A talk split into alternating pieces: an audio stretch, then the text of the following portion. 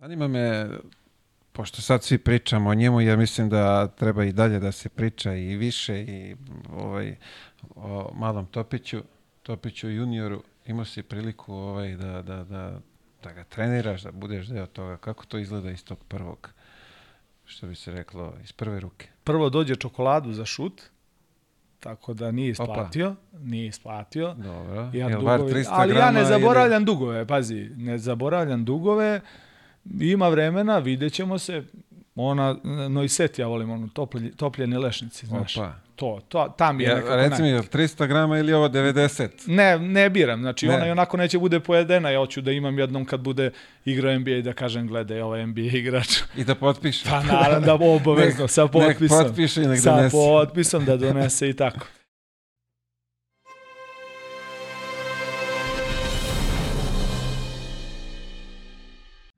Pozdrav svima i dobrodošli u još jedan Java Mile podcast. Evo je sreda, tu smo. Uh, zahvalnost Admiral Betu, Matijašević, Vinogradima i Big kompaniji na ovaj, pomoći da ovo sve funkcioniše kao što je do sada.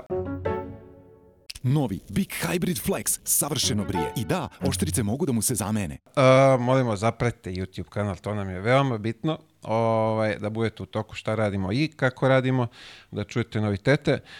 Imali smo u, sad u, u ovom prošlom nekom periodu, pravili smo i neke aukcije na, na, na YouTube kana- kanalu, ovaj, izuzetna a, čast mi je da smo uspjeli da sakupimo ovaj, a, značajan broj sredstava za Vasilija Teslića a, koji će krenuti, ako se ne varam, početkom decembra u, u Italiju na transplantaciju jetre. Hvala svima koji su bili deo toga. Veliko vam hvala od srca. A, danas imam izuzetnu čast i zadovoljstvo da ugostim čoveka a, rođenog Kraljevčanina, ali tako, bravo. Marko Dimitrijević je sa nama. Marko, dobar dan i dobrodošao u ovaj moj skromni show. Pa ne može se reći baš da je skroman, hvala ti puno na pozivu. Misliš da ovaj da Pa ako Smo- neko, ako neko ima milion pregleda po emisiji, to je... A, pa blizu smo, nemamo još. Nismo još probili tu granicu. Kad bude Otko probio, kad bude Otko probio, bit će dobro. Otko je blizu toga, tako da čekamo da, da prebaci Milku pa da, pa da ovaj napravimo novu priču, da vidimo da li je to bilo slučajno ili stvarno. je, Nije ovaj, bilo slučajno, znam iz, iz iskustva. Poznaš, ti, ti malo prije spomenuo si, igrali ste zajedno, ali tako? Pa jesmo, on je u Ergonomu smo igrali jedne godine zajedno, to je 2003. ja mislim. Ovaj, tad su oni bili onako ekipa tim u ekspanziji i to je sigurno jedna od najboljih ekipa ikada koja je igrala u Nišu sa Vladom Đokićem, Otašovićem, Bojanom Ljubovićem. Bila je to dobra, baš, baš dobra ekipa. Boban Božović posle koji je otišao u Partizan. Dobra ekipa. Šta je, aj sad kad smo tu, ko, ovaj, neku, neku sećanje, anegdotu na, na taj period sa... A bilo ih je puno, znaš. Pripreme neko Vlasinsko jezero, nemam pojma ni ja. Kijac i Otko su cimeri. I to ti je Sony Play celu, celo, cijela noć, razumeš, ujutru trening. Srećko Sekulović je bio trener koji je Da, bio, da, da. Srećko je bio onako, ba, da, blago je reći, po, reći popustljiv prema igračima, ali smo imali kondicionog trenera koji je volao da cepa ujutru, pogotovo na jutarnjim onim, tad je bilo stara škola, ono jutarnji footing, pa trening, pa i ovaj, otko celu noć igra, ujutru na treningu, ne možeš da ga uhvatiš lasom, razumeš? Vlado Đokić došao malo 105 kila, sjećam se dobro, već posle nekih povreda imao i koleno i i Ahilovu tetivu, ne može da trči, ovaj leti kroz šumu, znaš kakav, i jedna majica tri dana, ne znoji se čovjek. Kako, otko, brate? To ti je kod nas užičano tako, brate. Pa da. E, ali e, neverovatan je tip, majke. Ja nisam uopšte, ovo, kad je došao ovde i kad je krenuo da priča, znaš, za futbol i to, ja ono, gledam, ne mogu da verujem da je čovjek igrao četiri godine futbol uporedo i pri tome igrao Euro, Eurocup, bu- budućnost, znaš, veli, na velikom Pa nivou. niko, ti, niko ne veruje, ja ti kažem sad, gledali smo u Kraljevu, deset puta smo gledali to, one isečene delove iz podcasta kad on to objašnjava. Mi smo plakali od smeha. Kad on kaže, zabranio mi ideju, na kraju nisam mogao više. Razumeš, ipak je to, e, ne bavi se on nekim sportom, lupom, šahom, kuglanjem, nego se bavi kontaktnim sportom gde može se povredi, gde može dođe do ozbiljnih i lomove u karijeri zbog neke povrede gluposti na futbolu. Ali pazi, ti ideš po livadama neke, znaš, to, to Da, su neke da. to su seoske lige, Yes, nije to yes. neka, znaš, ajde kao prva, druga liga da ima i, i ole normalan teren, pa kao to je okej, nego tamo, kako je rekao, dao god pa na kolena, Na kolena odrao se, kaže ceo. pa može li jače? Od njega ne može, garant. Carski. Uh, reci mi ovako, prošla je sad ova nedelja i, i, i za nas je tri utakmice u, u sedam dana, rezultat je onako, Pa kad smo se čuli, kad smo se čuli uh, u vezi podcasta, ja sam ti rekao imamo sad tri, bilo bi dobro da dobijemo dve, a jednu moramo da dobijemo. Ta jedna je bila dinamik kući, povedali smo, a izgubili smo sad od OKK Beograda, vodili smo baš celu utakmicu i na 17 sekundi do kraja promašimo dva bacanja na pola koša. To je to. To je to. mislim, o, ok, aj to možda pripišeš nekome neiskustvu. Ma dobro, to se dešava, to je sport. Desi se da omaši Teodosić tri slobodna bacanja, a ne da omaši neki igrač u KLS-u. Mislim, nije to ništa... Da, ali opet vodio si 39 Jest, minuta jest, i jest. onda ti Jeste, onako još, bolan još poraz. teže bude. Bolan poraz, pogotovo što smo mi oni otprilike ove godine sličnog kvaliteta i tu će biti borba za opstanak Grčevita. Mislim da je izjednačena liga nikad, nikad izjednačenija nije bila nego ove godine. Pa ja iskreno ne pratim toliko, nešto sam ušao sad baš zbog, zbog tebe ovaj, da, da pogledam kako izgleda to. Uh, zanimljivo da je ovaj dinamik na dnu tabele koji uvek i, i imao neku dobru selekciju igrača. Pa i- pazi, dinamik radi, e, on ima potpuno drugačiji koncept od svih drugih. Oni svake godine izbace po 3-4 ozbiljna mlada igrača, koja su sad recimo Medarević, Milijašević otišli u Spartak, Bošković i Gokeja, Radosavljević, Spartak, to su ozbiljni, o, mislim, četiri igrača iz petorke ti ode. Sad ti treba da dovedeš nove igrače koji su isto mladi, koji prvi put igraju KLS i da napraviš rezultat. To je, slažit ćeš se da je teško Apsolutno. ali rade, rade ozbiljan posao i Savle Nikitović stvarno dugo godina u klubu, bori se koliko može, uvek imaju oni tu jednog, dva, sad imaju uh, Pena, Amerikanca, koji je onako malo iskusni igrač, vratio im se Nikola Kostić sa 3x3, gomila igrača iz KLS-a igra 3x3 preko leta, pa se sada vrate da nastave sezonu u KLS-u.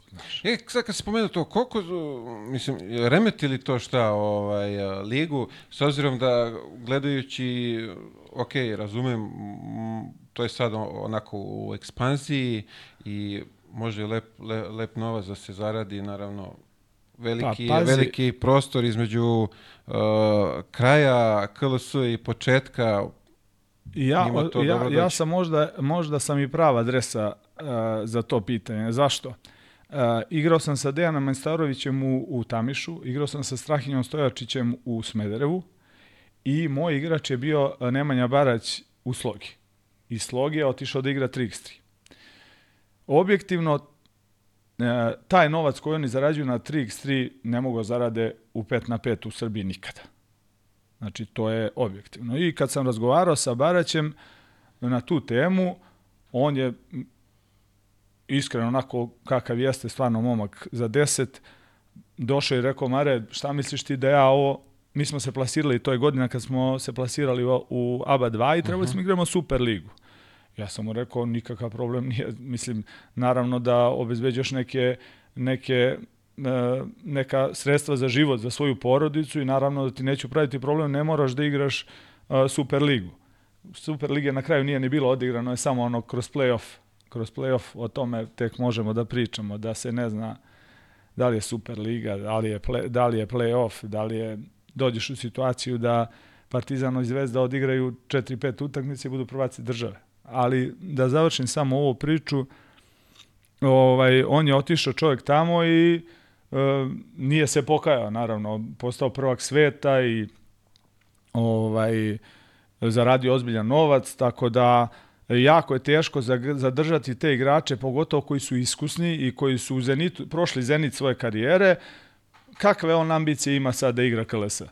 Objektivno. A tamo može napravi ozbiljan rezultat i da zaradi ozbiljan novac. Tako da opravdano je, zaista opravdano. Deki i Strahinja su to uradili još kao mladi igrači i oni su sada super zvezde na, na Tako da oni su bili po, početnici, malte ne, ovaj, u kako je, kako je krenula ekspanzija, oni su uhvatili tog Jest, prvog talasa. Jeste, jeste, pogotovo. Pa dobro, tu je, oni su sa Bulutom krenuli zajedno, to je, e, bukvalno su pioniri toga bili u Srbiji i naravno kad kreneš nešto prvi u velikoj si prednosti. U velikoj si E, prednosti. sad, sad ono što, čemu razmišljam, uh, KLS takav kakav je. Uh, pojavio se taj 3x3. Uh, naši igrači tamo stvarno dominiraju. Da li, da li se tim potezom, uh, odlaskom naših igrača u 3x3 još više ovaj KLS potapa na, na, na, na, na neki niži Pa, nivo? Pazi, e, moje mišljenje je da KLS od negde 2013. 14. godine ide uzlaznom putanjom. Znači, ulaže se više sredstava, ulaže se, recimo, konkretno ću ti reći, reći za slogu, ona je recimo 2013. imala budžet, ona se isključivo finansira iz gradskog budžeta. Imala je, slagaću te, 7 ili 8 miliona na godišnje dinara, ti pričam. Sada ima 27 miliona. Znači, ne možemo da pričamo o tome da je slabiji tim ili sla, uh, manj, čim imaš više sredstava, bolje su, bolje su i bolji su igrači, bolji je tim i e, kvalitet je bolji. Naravno kvalitet lige. Vi sada imate Spartak koji ulaže nenormalna sredstva, mislim nenormalno, to su sredstva koja uh, zahteva cilj koji su oni postavili ispred sebe. Oni ljudi hoće da napadnu ABA 1 ligu i to je legitimno i da bi to uradio ti moraš da nadigraš, nažalost, nekog od srpskih klubova. Tako je. Da li je to Borac, da li je to FNP, da li je Mega, ali ti sa nekim skromnim sredstva nisi ni blizu. To se vidi na kupu gde Da, ekipe da, iz da, da. KLS-a lagano gube po 30-40 razlike od ovih iz, iz ABA 1. Znači, da bi došli do neke iole šanse realne da se plasiraju u ABA 1, oni moraju da ulože ogromna sredstva. Evo vidim juče Luka Cerovina je e, inače naš bivši igrač i on je bio kod nas u Kralju pa otišao u Megu, potpisao je za Spartak. Znači, pojačavaju se još više. A, ono što, o čemu se ja razmišljam, kad spominješ baš to na, napada ABA a, 1 lige, ti kroz ABA 2 svi znamo kako, moraš da budeš prvi i to ti ne garantuje da ćeš biti ovaj učesnik ako ne pobediš, ne izbaciš nekog od, od naših klubova koji su već tamo. Znači ti u startu moraš da napraviš toliko moćnu ekipu da ih plaćaš svo vrijeme i da zavisiš od dve utakmice na kraju ovaj Koje nisi siguran da ćeš da do... Nisi, ne, outsider si kakav god tim da napraviš. O tome se radi. E, to je sad opet svaka čast i ljudima koji imaju te planove, da su svesni toga šta ih čeka u kad se već to dešava negdje. Pa evo, naši veliki sportski prijatelji, zaista Zlatibor, Čajetina, to su ljudi koji su osvojili ABA 2 ligu, znaš i sam. Mislim, beše dva puta, tako? Ne, jednom. Jednom. Jednom su Drugi put osvojili. finale. Da, e, drugi put nisu finale. Finale je bilo Krka Helios prošle godine. Aha, aha, aha. Ovaj, ali hoću da kažem da je on e, da su oni ljudi koji su zaista imaju ozbiljne uslove, ulažu ozbiljan novac, osvojili su ligu, oni nisu imali realne šanse protiv borca. Drugo, e, čemu, čemu to? Zašto naš klub da uopšte juri ABA ligu? Ja ću ti reći, ABA liga je jedno izuzetno takmičenje. Mi smo zaista imali prelepe iskustva prošle godine. Znači, prelepa iskustva i to je organizovano na ozbiljnom nivou i, i stvarno sve pohvali za organizaciju ABA lige. Ali mi kao srpski klub, e, e, srpska košarka nema interes ako ja trebam da uđem, a da ispadne srpski klub. Slažeš se? Apsolutno. Pogotovo, ajde kad je bilo 12, pa nije moglo više od 5. Ali sad je 14. Zašto sad ne može 6, na primjer? Ali, kažem, opet, e, gledajući po propozicijama takmičenja, Zlatibor je pre početka prvenstva znao da neće moći da se plasira ako ne izbaci. Znači, to se znalo, razumeš me? Mnogo je, mnogo je to nekako čudnih tu Jest. Ima jest, sad evo jest. ovde neka i ovaj, zagovaranje da treba, ako se obezbedi licenca, da se vrati svi u KLS. Sad opet, A, i to, je, i to nije realno. Da, pričao ti sam- dođeš sad pri- u KLS da se vrati Partizan i Zvezda sa po 15-20 to nije miliona. realno. To nije realno. Šta ti da očekuješ? Ali pazi, uh, pričao sam, igrali smo sa Vojvodinom, uh, sa, izvijam se, sa Vršcem, uh, Muta Nikolić je bio u Kraljevu i pričali smo baš na tu temu I u redu Zvezda Partizana, ali FNP, Mega i, i Borac igraju jednu utakmicu nedeljno. Zašto se bar oni ne vrate u KLS? Slažem se. Ja sam uvek za to da se igraju dve utakmice nedeljno. I, e, pazi, na, Znaš, i ovde kad su bili ljudi iz Mege, uh, slagaćete ko je, ko je sve, ovaj... Ok, mladi su. Njima Da, treba da. trening, treba im i utakmica. naravno, naravno da im treba utakmica. Drugo, oni bar imaju dovoljan broj igrača da mogu da igraju dva, dve lige.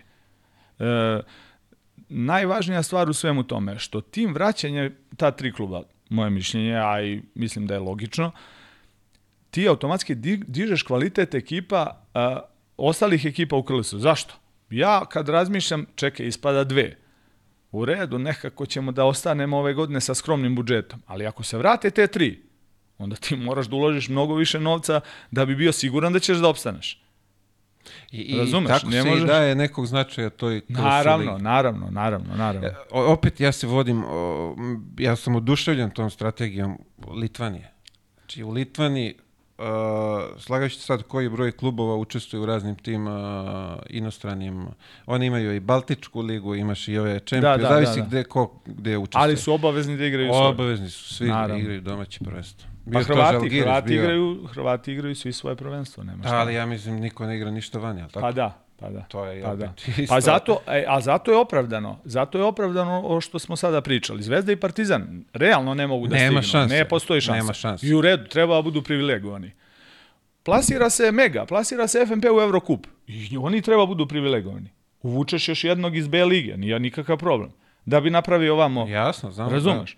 Ali ovako, ovako e, je jako teško da mi dođemo na nivo, na nivo, ja sam stvarno bio prisutan sada, e, znaš da sam bio pomoćni e, Šonet u, u, u reprezentaciji. I bio sam prisutan na nekim njegovim treninzima u FNP-u, to je taj intenzitet i intenzitet mog treninga, to je dve klase razlike, kako da ti objasnim. Kako mi njima da se približimo ako ne budemo konkurentni sa njima? Nikako.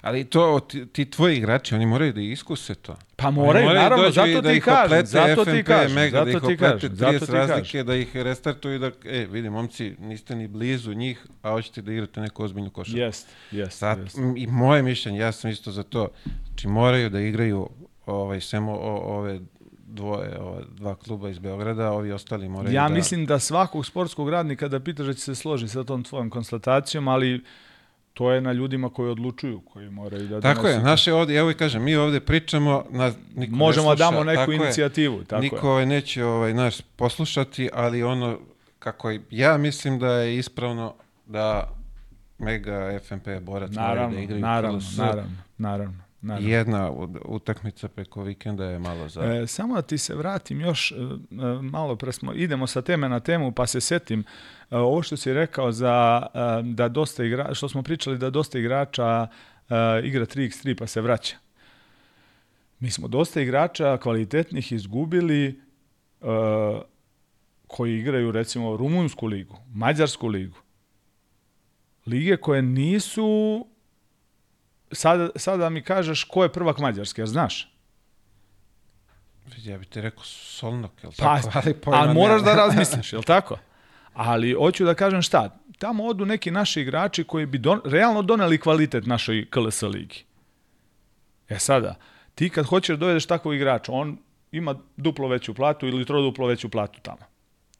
On neće da dođe ovde za duplo manji novac. I onda dođeš u situaciju da ja, koji sam, ja sam realno uh, protiv stranaca u KLS-u ako nemaš domaćeg, ako imaš domaćeg igrača.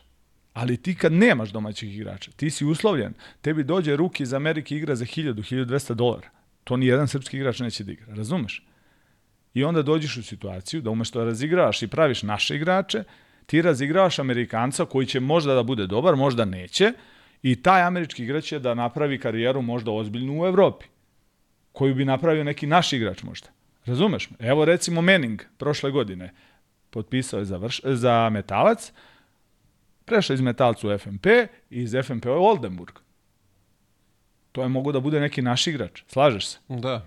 Znači, ali e, mora što više se, o, to je, opet se sad vraćamo na ono, kad bi se vratile ove tri ekipe, onda bi budžeti skočili, onda bi mogli da vratimo te naše igrače iz tih obližnjih liga koje nisu kvalitetni od naše, veruj mi.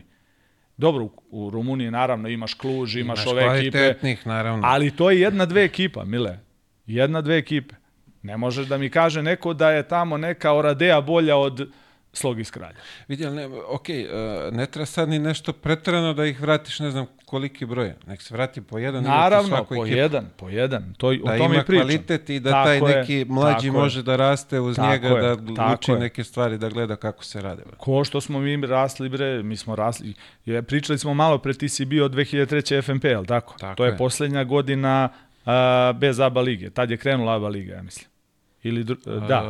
Uh, druga, treća. druga, tako, druga, treća. Ovo je prva druga. Treća, reci. četvrta je već bila... To je bila. Winston Juba liga, sećaš se, sa budućnosti, pazi, u budućnosti su igrali reprezentativci države, Tomašević, Obradović, Rakočević, Deki Milojević. To je bila, oni dođu u Kraljevo, ti gledaš u njih, ne veruješ da protiv koga igraš, razumeš? Za, mi kao mladi igra, oni su moja generacija, Deki i Igor Rakočević su moja generacija, ali ovi ostali, dođe, sa, čuvaš Sašu Obradovića, ja kao mladi igrač. Znaš, koji je to motiv za tebe? Da, da. čovek koji je zver, koji je osvojio, koji je osvojio prvenstvo Evrope u Atini, koji je bi igru Zvezdi, bio kapiten, razumeš? To je mo- motiv za mladog igrača, oni, ti sanjaš taj meč, bukvalno sanjaš taj meč. Ti sad nemaš toga u KLS, razumeš? Nažalost. Nemaš. Opet, opet ću ponoviti uh, strategiju Bilbao basketa. Da. Uh, kad su oni došli i do finala i, i Euroliga čak je bila, uh, baš se pričao ovde sa Peđom Savićem, pre, prošle godine kad je već bilo, ovaj, jer sam bio tamo, igrao sam, čoveče, kako ste uspeli da dovedete Raul Lopeza u Bilbao, znaš, Da, da. bila je strategija, ok, hoćemo priučiti navijače, kako? Moraš da dovedeš lokalnog igrača, koji ima ime.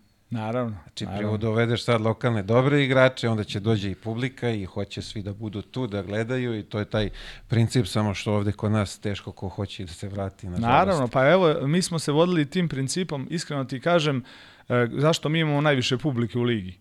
Pa zato što imamo od 15 licenciranih, 8 je iz Kraljeva. Bravo. Razumeš? Prošle godine je bilo devet. Tako da nek dođu samo njihovi drugari iz škole, nek dođu prijatelji, nek dođe rodbina, to ti je 300-400 ljudi, razumeš? Da, da, da, da. da. Ali pitanje je koliko to može da traje. Ja imam sreću sad da imam tri iskusna igrača iz Kraljeva koji imaju kvalitet, razumeš? A sad treba da dobije, ajde sad imamo, uozbiljili smo dosta zadnje tri godine rad sa mlađim kategorijama, pa je ušli smo u kvalitetnu ligu sad i sa juniorima i sa kadetima i ima, nazire se tu par momaka koji će moći da igraju za prvi tim. Ali za to je sve potrebno vreme. E, kad spominješ mladu i taj kvalitetnu ligu mlađih, je, Da. dijeliš moje mišljenje da ovaj, mnogo njih rano se zaputi za Beograd. Ja sam jedan od njih.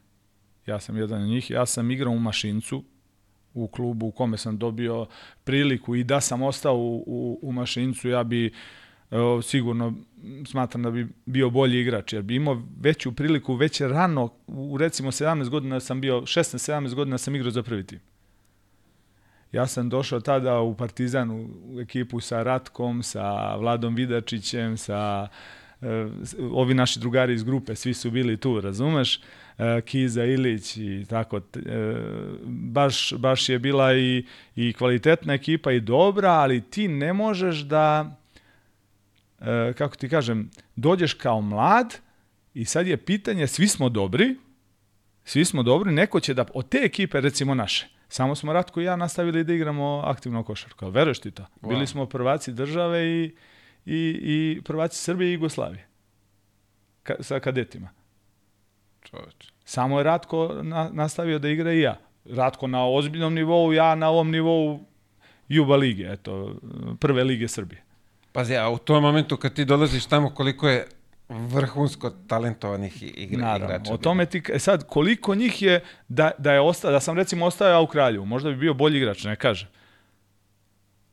Ali mislim da je greška to, mislim da je greška da, pazi, e, ti kad pogledaš našu reprezentaciju, Jović iz Niša, ne znam, Jokić iz Sombora, Bobi je iz Boljevca, Razumeš? Ima tu e, mnogo igrača koji su, e, recimo Stefan Jović je kao mladi igrač došao u slogu, pa i slog je u radnički, pa kao gotov igrač iz radničkog napravi ozbiljnu karijeru.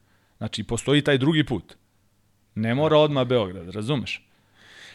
Moje mišljenje je da mnogo se njih zaleti ovde, svi skupe se Ma, sigurno svi su talenti pravu, na, sigurno na, na jednu pravu. gomilu i ne može da, da ne može dođeš bre do, do, do ne možeš dođeš do mi, minutaže, ima neko bolji od tebe. Naravno, naravno. Tamo ćeš naravno, kući naravno. gde odakle zlupan Kraljevo, dobit ćeš bolje Minuti uslove. su čudo, ti znaš to najbolje. Kad si kući sve je drugačije nego kad dođeš u nepoznato, pa se privikavaš i, i na grad, i na život, i na nove saigrače, i na novog trenera. Znaš šta je tu još moje mišljenje oko tih mladih igrača? E, ako, ako ode u Beograd, recimo uzmu Partizan, Zvezda, Mega, oni stvarno, oni dovode tu decu jer imaju najbolje uslove. Tu nema dileme. Dobri treneri, najbolji uslovi, deca vide da su to najbolji uslovi i odlaze. Znači, apsolutno je to razlog zbog koga deca idu. Mi ne možemo da im priuštimo te uslove. Recimo u Kraljevu. Mi imamo dvoranu u kojoj treniraju odbojkaši, rukometaši i sloga. Znači, to je, zauzeto je 0024. Mislim, lupam, 7 do, do uveče do 11. Da, to, bez I ti- termina. Bez termina. I ti sad za mladog igrača, to što kažu, što si malo preko, potreban je trening. Pa naravno, ali ti nemaš uslova za taj trening. U Kraljevu. Mega ima svoju dvoranu, FMP ima svoju dvoranu. Znači, nema tu, e, znači, što više e, automatizam, broj ponavljanja i to je to. Postaješ bolji igrač, znaš i sam. Ali opet, dobit ćeš, ja, ja bar verujem, dobit ćeš tu minutažu što ti kažeš. E, sad, sad će- ovo, da, ovo sam... Ovo sam Okej, uslovi, Naravno, naravno. Ovo sam hteo da ti... Ja, mi bi bili zadovoljni, recimo. Mi smo u, u godištu, recimo... Evo, otišao je Mušikić je bio, on je 2001. ja mislim. Otišao je iz Kraljeva, pa je otišao Stevo Karapanđić iz Kraljeva. To su igrači koji su otišli, Stevo je otišao, o, Mušikić je otišao u Megu, a Stevo Karapanđić je otišao u Partizan. Bio u Partizanu dve godine, prešao u Zvezdu dve godine, vratio se u, u, Žele Čačak, Bora Čačak, Sloga i evo ga sad u Novom pazaru. Šta da je on kao 14-godišnjak, 15-godišnjak ostao da igra u Kraljevu dok se ne razvije kao gotov igrač? Ja verujem da bi on bio na višem nivou nego što je sad.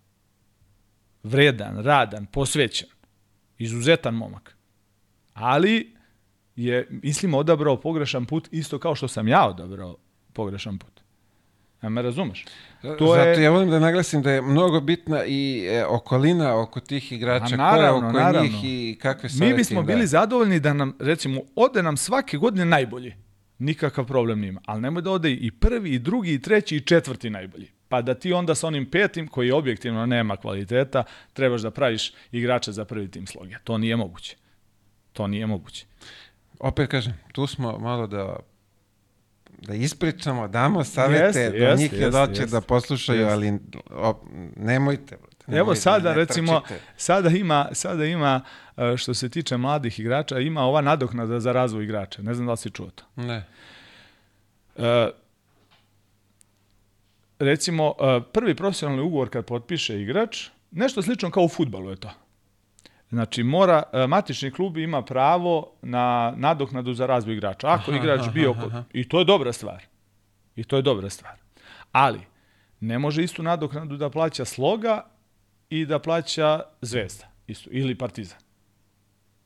Ja me razumeš? Sad igrač dođe iz klika iz Arilja, kao što je nama došao, u slogu.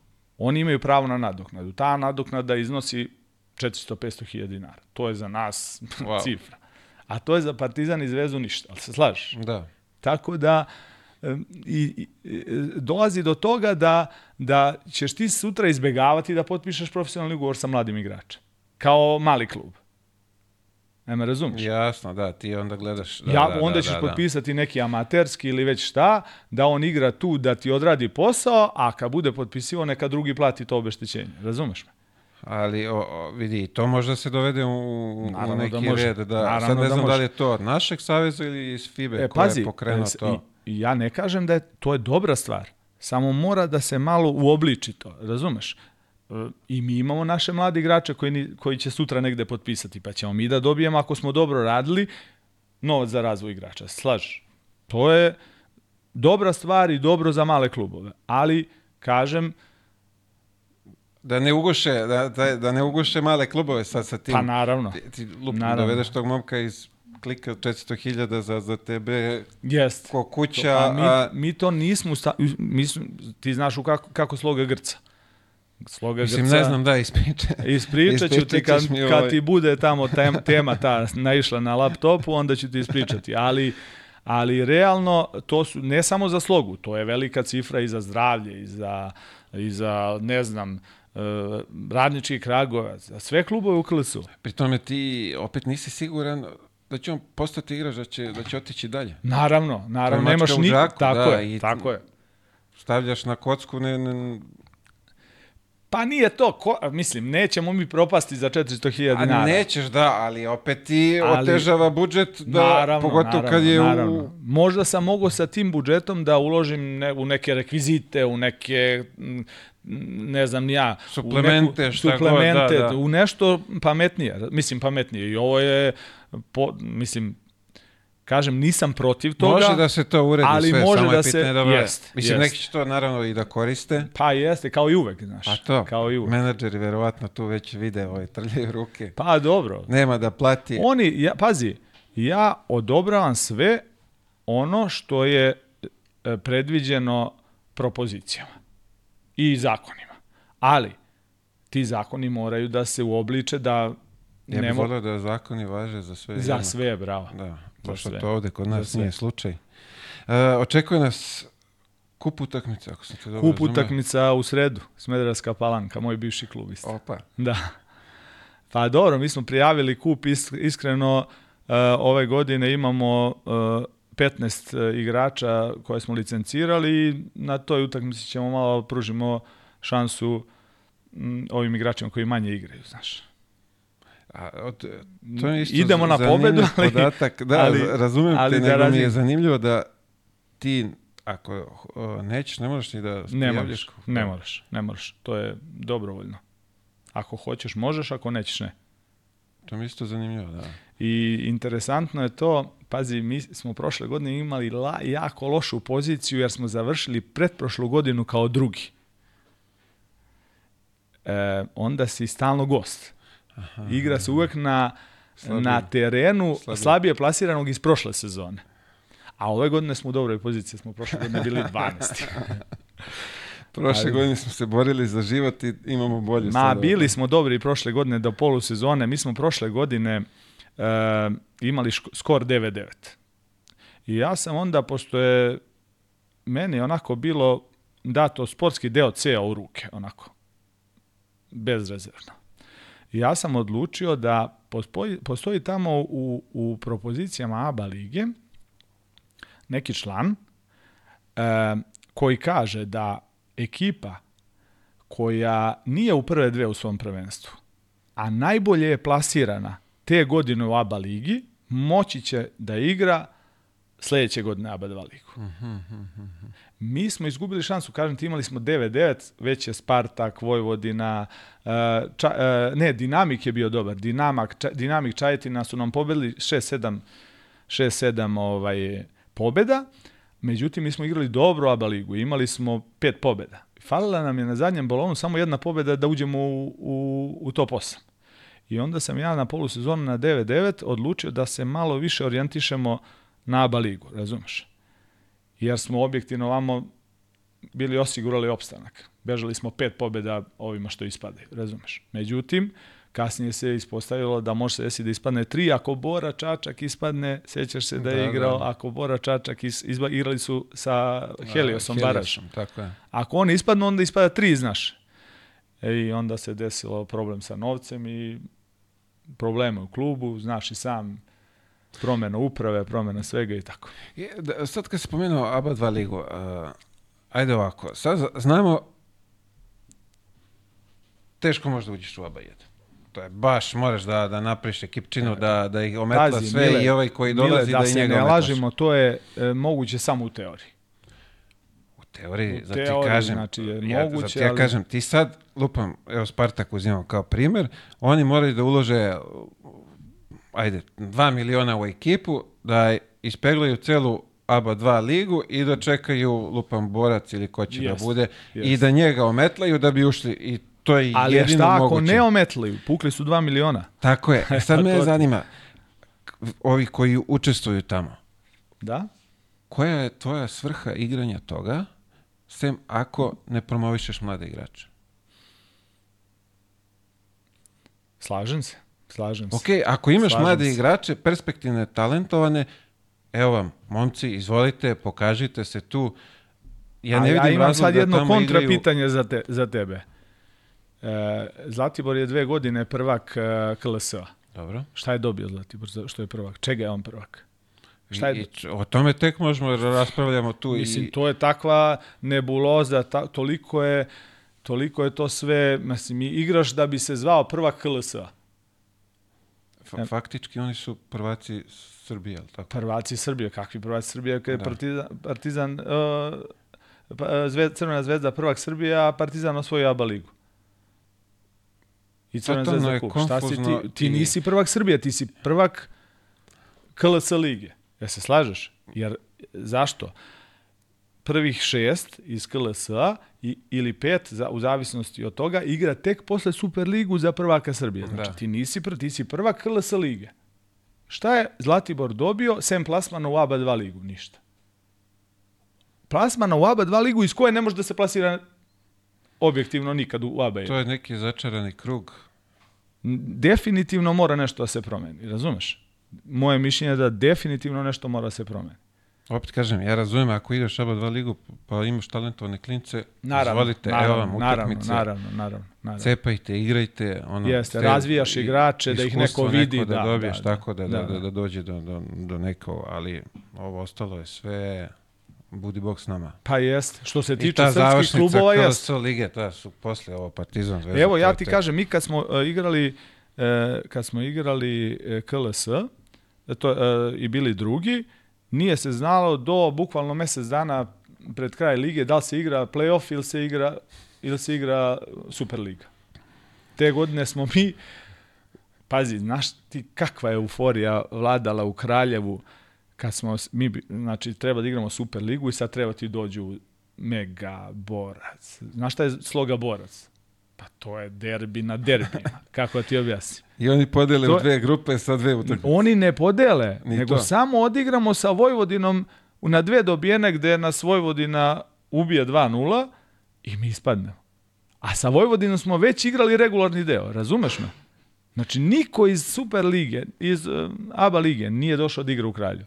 To i Ja ovde ti smo- garantujem da bi bilo puta- 3000. Koliko sam puta to spomenuo, znači, evo sad je ovde upravo priča o tome. Dešava se da godinama ti igraš košarku i nemaš priliku da odigraš protiv Partizana i Zvezde. To je ono što smo pričali, to je ono što, ja imam i za to da ti ispričam jednu anegdotu. Hajde. Vraćamo se sad na, na Ergonom. Tad kad me Vlade Đokić nije ubio, neće nikad. Igramo protiv Partizana, to je 2003. House, Brown, Krstić, Ostojić, Kecman, ta ekipa. Igramo u Nišu. Vodi Partizan 18 razlike. Igra se utakmica, igra se utakmica, hop, hop, hop, tri za nas, 10 sek 15 sekundi do kraja. Srećko zove time out, ne, to je Dule zove time out, Srećko kaže šta ćemo, radimo, da li da branimo, a pravimo faul, mislim se ja, daj da pravimo faul, tri razlike. Kaže, ma ne bre, kaže, branimo. Kreću oni u napad i sad Brown prodire, Vlade Đokić ga čini mi se čuva i on kreće ka košu. Ja sam na 45 čuvan hausa. Ja ne znam šta te povuče u tom trenutku. Znači, apsolutno ne znam šta te povuče. Ja krenem kao na Brauna, da, da li da pravim faul, ne znam šta. On se u tom trenutku, pazi, leđima mi je okrenut. Kao da me gleda, okreće se i vraća na hausa. Tri poena, ja grebem za njim, ali ne vredi. Tri poena produžeci, izgubimo u produžecima. Za malo me nije zadavio vlada. Za malo me nije zadavio. Pa gde ćeš s prvog pasa? E sad ja mojim igračima to pričam, ali znaš, dešava se. greška. Sad bar da čuju igrači. Tad sam mogao pobedim Partizan više nikad. To, to, to. Nikad više. E, ali, a pa sad, ovi nemaju tvoji ni, ni priliku, bre, da, da sem na televiziji. E, pa to da ti kažem, znaš ti šta je to bilo, znaš, osjećaš se onako kao da si blizu, kao da možeš, ja ti kažem opet, ja nisam dostigao neki, e, da igram neku vrhunsku košarku objektivno, bio sam sasvim solidan igrač za, za našu prvu ligu, ali nisam dotako ni Evrokup, ni Evroligu, jedne godine sa Igokeom smo igrali, onaj, tad se zvao FIBA Euro Challenge ili tako nešto. Izgubili smo finale na Kipru od Ajela, tako nešto. Jeste, od Ajela. Ovaj, ali hoću ti kažem da tad se dešavalo da ti možeš da dođeš u situaciju da igraš protiv vrhunskog košarkaša. Jedan na jedan, da se ti odmeriš sa njim, da ti vidiš koliko si ti daleko od njega.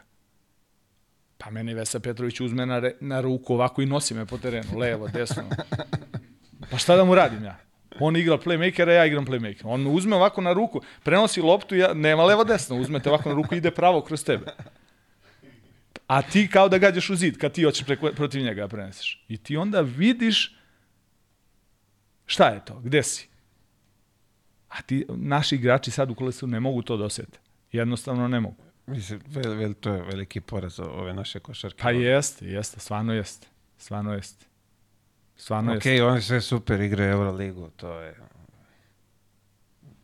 najbolje u ovom momentu što može u Evropi, ali Tad u to vreme mi smo igrali nekad i B ligu u Kraljevu, mašinac, sloga, sećaš se.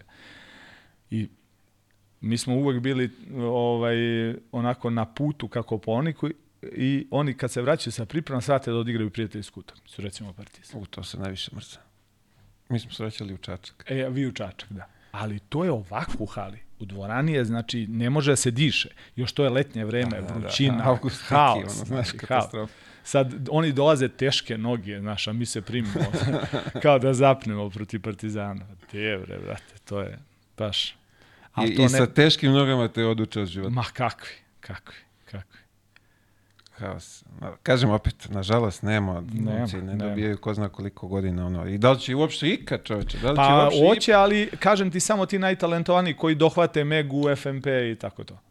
Možda, sad bukvalno može da ti prođe profi karijera da nikad ne odigraš sa Zvezdom i Partizanom. Jeste, jeste, jeste. Ako si neko zdravlje, Leskovac, Kraljevo, Niš, To je nekad bilo, sećaš se, derbi. Odiš Ti nisi, Leskovac, ti, evo te- ja ću ti reći i, i, i još jedna stvar, ta budućnost sa Igorom Rakočevićem, sa Obradovićem, sa Tomaševićem, sjećam se bio je Jerome James, Taka. sjećaš se Jerome se ne James, sjećam. ogroman. Joj, I tu ima isto anegdote dosta. Čuo ga, sjećaš se Vučka Mihajlovića, Kako Mihajlovića. Vučko ti je poslednji živi horog Srbije, znaš. I sad to je izumrlo, to je samo on bacao te horoge i sad dođe Jerome James, noga 58 bacao. Ima je neku veliku patiku. da. Znači, se sećaš toga? Ogromne, stane, šutira slobodno bacanje, a ovamo pete su mu na trojici, znaš. I ovaj, ali Vučko mu baca one ispod ruke, horog je on, doveo ga je do ludila, još on je u floppingu stalno, Vučko stalno, malo ga pipneš, on pada u nesvest. I ovaj, traži izmenu čak, neću, kaže da igram protiv ovog. Ubio ga je, ubio ga. je. Izvadite me napolje. Da, da. I još, pazi, ali kad dođu dole u, u, Kraljevu, u onu... Teško je, znaš, teško je Halicu. bilo. Stara hala je bila, ja ne znam koliko ti sećaš, uh, bile su tribine još bliže. Pa je onda do, jedne godine, e, kad se ono, uh, trojka pomerila na 6.75, onda je morala se proširi hala da bude dva metra daleko, uh, znaš, jer ono nije bilo ni pola metra u staroj hali. A sada je dva metra bočna linija udaljena i sad bukvalno sto puta se dešavalo ovaj krene da izvede loptu nekomu skine iz publike, razumeš? Ali ovaj u to vreme su oni skinuli jedan red tribina. Znači, jedan red tribine da bi napravili dva metra. Aha, aha. I onda, i tu je show. Uh, skinu oni jedan red tribina 190. Nema dva Fali, metra i dalje. Fali. Fali, ali jedan moj prijatelj, sad neću da pominjem ime, se seti, pošto oni kad mere, oni mere e, dole do poda, razumeš? Ne mere gore. Oni samo dole iskopaju još 10 cm Znaš, ovoliko. Zajebaj me. E, o, samo iskopaj još 10 cm i onda kad dole, kad meriš, ima 2 metra, a gore ima 190. Ono kako zove, soklicu onu To, to, napravi, to, iskopali to, dole. to, Pa carevi. To, to. Vidi, toliko je ovdje, ljudi su toliko anegdota ispričali za, za to Kraljevo i te Slušao sam tribine, se, pa to slušao je, sam, to je slušao plakanje slušao sam. Pa to kad dođu ovi stari stepi, pokojni kad je dolazio, mislim, stvarno, mi smo ga zvali tata. Stepi kad je dolazi, to je bacanje sa koa, pa, a oni aplauz, znaš, Stepi baci sa koa, oni cela hala aplauz, znaš, to je, on je znao Dobro, sam- on je imao, imao je te ovaj, da, da, nastupe. pa jeste, jeste, jeste, jeste. Vidi, mi smo ono, onako nešto, nismo bili, ne znam zbog čega, ovaj, baš poželjni dole dolazak u, u Kraljevo FMP-a, ne, nešto su zaratili sa, da li sa Rašom ili sa Nebojšom. Ja sam jedno mogu da ti smo kažem do- sada, u ovom trenutku sa Rašom u izuzetnim odnosima, ovaj, jeste bilo nešto, sjećam se toga da je bila neka, e, sjećam se da je e, te godine, jedna godine prvo kolo smo igrali u FMP-u i pobedili smo i da je na toj utakmici neka frka bila. Sale Vasiljević je dao nekih 30 poena, nešto i pobedili smo prvo kolo u FMP-u u, u Železniku. I niko to nije mogao da veruje. I znam da je na toj utakmici ispala neka frka, ali ne mogu sad Čuo da se sam setim. priče za to, da. Ne mogu da se setim sad tačno šta je bilo. Ne Mislim- mogu se- mi smo ig- igrački, igra, među igračima nikad nije bilo nikakve zle krvi. Čak je FMP tih godina bio po meni najtalentovaniji, najtalentovaniji igrač kog sam ikad gledao, Mladen Šekularac. On je dominirao tih godina. Ovaj, nije, nije postigao ono što je trebao da postigne. On je, ja mislim, draftovan od strane Dallasa, pa Tako je, da, nije bio neki otišao, draft, jeste, nešto, ali da. on je bio čudo. Ja sam gledao igrača na zagrevanju šutira isto levom i desnom rukom, to je nemoguće. Nemoguće kakav talent. Znaš i sam sjećaš se, nema šta. Nisam o, otišao kad sam ja ovaj, došao tamo, da, Eto. ali, ali ono, čuo sam On je u to vreme priča. bio projekat FNP-a i stvarno je bio odličan. E, pa tu nešto naj, najviše... je igrao tada, s- e, oni su bili, Pi- bili Pištolj, ko je bio? Da, bila da, je on, ta ekipa. Đora je bio, ja Đora, mislim. tako je. Uh, oni su, oni su uh, imali svoj razvojni tim, ako se sjećaš, Srem, Sremska Mitrovica. Tako je, bravo. I ja sam igrao tamo kod trenera Kostića ovaj, dve godine. Tad su bili Zoroski, Sale Vasiljević, Dimitrije Matić, ta ekipa. Ovaj, oni su tamo da, davali njih na, na razigravanje na, u B ligu, koja je bila tad izuzetno jaka. To su godine kad je i Borac Banja Luka, ako se sjećaš, igrao našu B ligu. Uh, u Gajdobri su igrali u dvorani i svake nedelje su, kad su domaćini dolazili u Gajdobru da, da odigraju, jer je to bilo ono vreme 90 Da, pa, da, su, da, da, da. pa su igrali tu. Bila je izuzetno jaka liga. Jedinstvena sa Crnom Gorom. Sa. Pazi, ja što se sećam, to je ono 2002. ovamo kad sam ušao prvi tim železnika. Znači, Kraljevo doći dole, to je Kraljevo po meni i Leskovac. Jeste, Dva jeste. Najgora terena dođeš Kraljevo je e, stvarno e, teško za igru bilo jer je mnogo blizu publika. Mnogo je blizu publika i mnogo ima publike. Ja se sjećam te godine kad smo pobedili budućnost posle 46 pobjeda za re, po, njihovih pobjeda za redom. Dođu u Kraljevo i mi Lepi, Lepojević da trojku za pobedu i mi ih dobijemo. Pa to je bio, to niko nije mogu da veruje. Nama je trebalo od mosta, pošto je tada bio Telekom sponsor, mi smo, tad je bila one e, karantini pre utakmice važne Da, i da, to. da. I u, mi smo bili u, u odmaralištu Telekom u Vrnjačkoj banji u, u karantinu. I mi dolazimo, skrećemo s mosta levo, onda zatvorena ulica, ne može se prođe. Igrači ne mogu da uđu u, u dvoranu. Pa koliko je bilo ljudi? Ostalo je lupan. Trebale su nam karte za utakmicu, preprodaju. Mare, brate, 10 maraka nema. Ono, 20 dinara karta tad bila, razumeš? 10 maraka preprodaju karte za slogin utakmicu.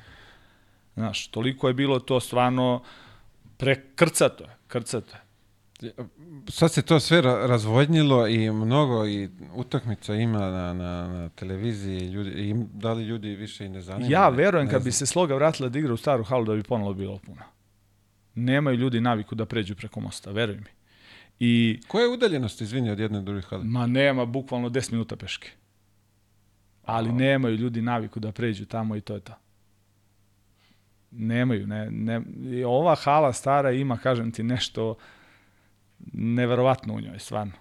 Svaka promjena je teška, tako Jeste, kažu. Znaš, jeste. pa, ja, sam, ja sam čak tražio i e, da prošle godine i ove godine e, bio je neki e, Fed Cup žene, su igrali u Kraljevu u dvorani i ja sam pitao da li možemo da igramo u staroj dvorani jednu utakmicu.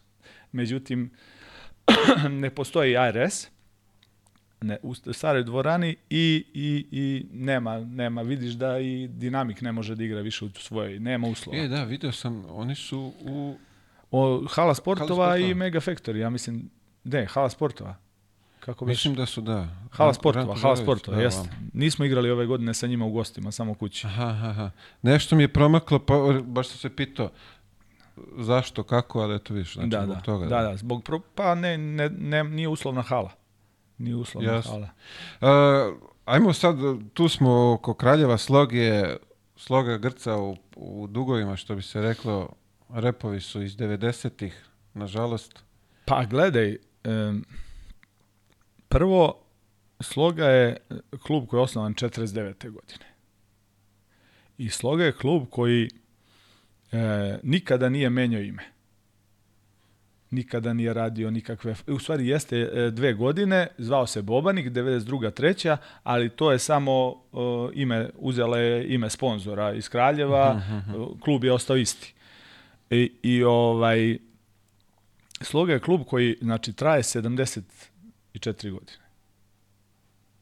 Znači, nikada nije promenio ime, nikada nije radio nikakve fuzije, nikada nije menjao uh, ovaj, račune, čuda, pokušali su da ostanu uh, sami sa svojim dugovima da se izbore. Ja skidam kapu, skidam kapu zaista sve tri uprave zadnje koje su bile su skinule mnogo duga slogi. Znači, mnogo duga slogi, to znam jer sam bio tu, nisu uspevali da blagovremeno e, namiruju tekuće obaveze iz tih razloga, jer sada, i to znaš, kada ostaneš nekom dužan, gubiš licencu i gubiš pravo takmičenja i to je jako rigorozno. Oni su uspeli da se izbore ove tri godine dok sam ja bio tu da dva puta vrate licencu i ove godine je teška situacija, ali mislim da ćemo se izboriti, zato smo i smanjili budžet. Ekipa nam je, budžet nam je dosta skromniji ove godine i e, nadam se da će sledeće godine sloga konačno da, da stane na noge, jer nije ostalo još mnogo tih starih dugova, znaš. O, bravo, pa to su lepe vesti. Pa jesu lepe vesti, ali znaš šta je sad tu najgore? E, ti kad te dugove vratiš, ti potrošiš onaj novac koji bi trebao da te čeka u avgustu da praviš sledeće godine tim, razumeš? Tako da će da se muka muči sigurno još dve, tri godine, razumeš, dok ne stanemo na noge onoliko da kad znaš da su ti legle pare od e, grada, da toliko imaš da raspolažeš za ovu sezonu i to je to. A, a kako stojite vi sa, sa ovim nekim privatnim sponzorima? Ima li to E, neko Nema iz grada, toga, znači, ima, da- imamo, imamo ove godine jednog sponzora, to je Premier Taxi. Je jedan, spo, jedan od sponzora, a ovako privatno još uvek ništa. Što je zanimljivo isto, ovaj, ja uvijek imam ovaj, uh, na pameti model uh, Zlatibora. Da, da. Oni imaju tono nekih firmica koji su tu spremni da daju Jeste, ali moraš da, broj moraš da znaš, a, a i znaš to da je, Zlati, da je Čajetina jedna od najbogatijih opština u Srbiji. Apsolutno se slažem, da- da, ali u Kraljevu, brate, naći ćete valjda de- deset ljudi, kako ja to gledam iz moje perspektive, deset ljudi koji vole košarku, imaju neke i ole normalne firme koje posluju i nije im teško da izdvoje. Pokuša, pokušavaju da nađu, uprava zaista pokušava, ne samo ova uprava, nego svaka do sada je pokušavala da nađe i pokušavala da se izbori sa dugovima, ali to ide jako teško, kažem ti, kad ti dođe na naplatu, recimo, sad neću da pričam o imenima, ali e, prošle godine je isplaćeno 4,5 miliona dinara duga čoveku koji nikada nije odigrao utakmicu za slogu. To isto treba znati. Eto, to je 40.000, 4,5 miliona. To je momak koji je 97. sticam okolnosti i tad sam bio u slogi kao igrač. Došao je u slogu, e, na priprema se povredio, diskus hernija, on je tužio klub zbog nestručnog rada, ne znam, kondicionog trenera ili već šta već, tamo je naveo, e, da je e, da se povredio zbog nestručnog rada, tamo je na tom ročištu se nije pojavio niko iz kluba, njegov advokat je dobio presudu da mora mu se isplati, sad ti vidi e, od 97. do sada koliko je to kamate i koliko je to novca otišlo u nepovrat. Razumeš? Ta 4,5 miliona bi nama značilo ove godine da damo tri plati igrača. Ali opet, pa sad, znači neko se iz kluba nije pojavio na ročištu. Naravno, znači, sad naravno, malo i te naravno, ovaj, isto naravno, pročešljati naravno, njih, prijatelju, naravno, gde je tvoja naravno. odgovornost u tom momentu. Naravno, naravno, naravno. Vidi, ima tu i jedna i druga strana, ovaj, istina je negde na sredini, Ma, a znaš koliko odgovornost se je mile ljudi promenilo u upravama sloge od 97. do sada. Ja, to, to- više... Kapiram, da, ali, Razumeš. malo Ali bi- moraš da snosiš posledice za ono što si ti radio. Znači, Apsolutno, zato ako, i treba ako da je se, na da se računu vrati bilo neki 20 kako sto. dinara, kada si došao, bar 20 mora da bude i kada odlaziš. Tako je.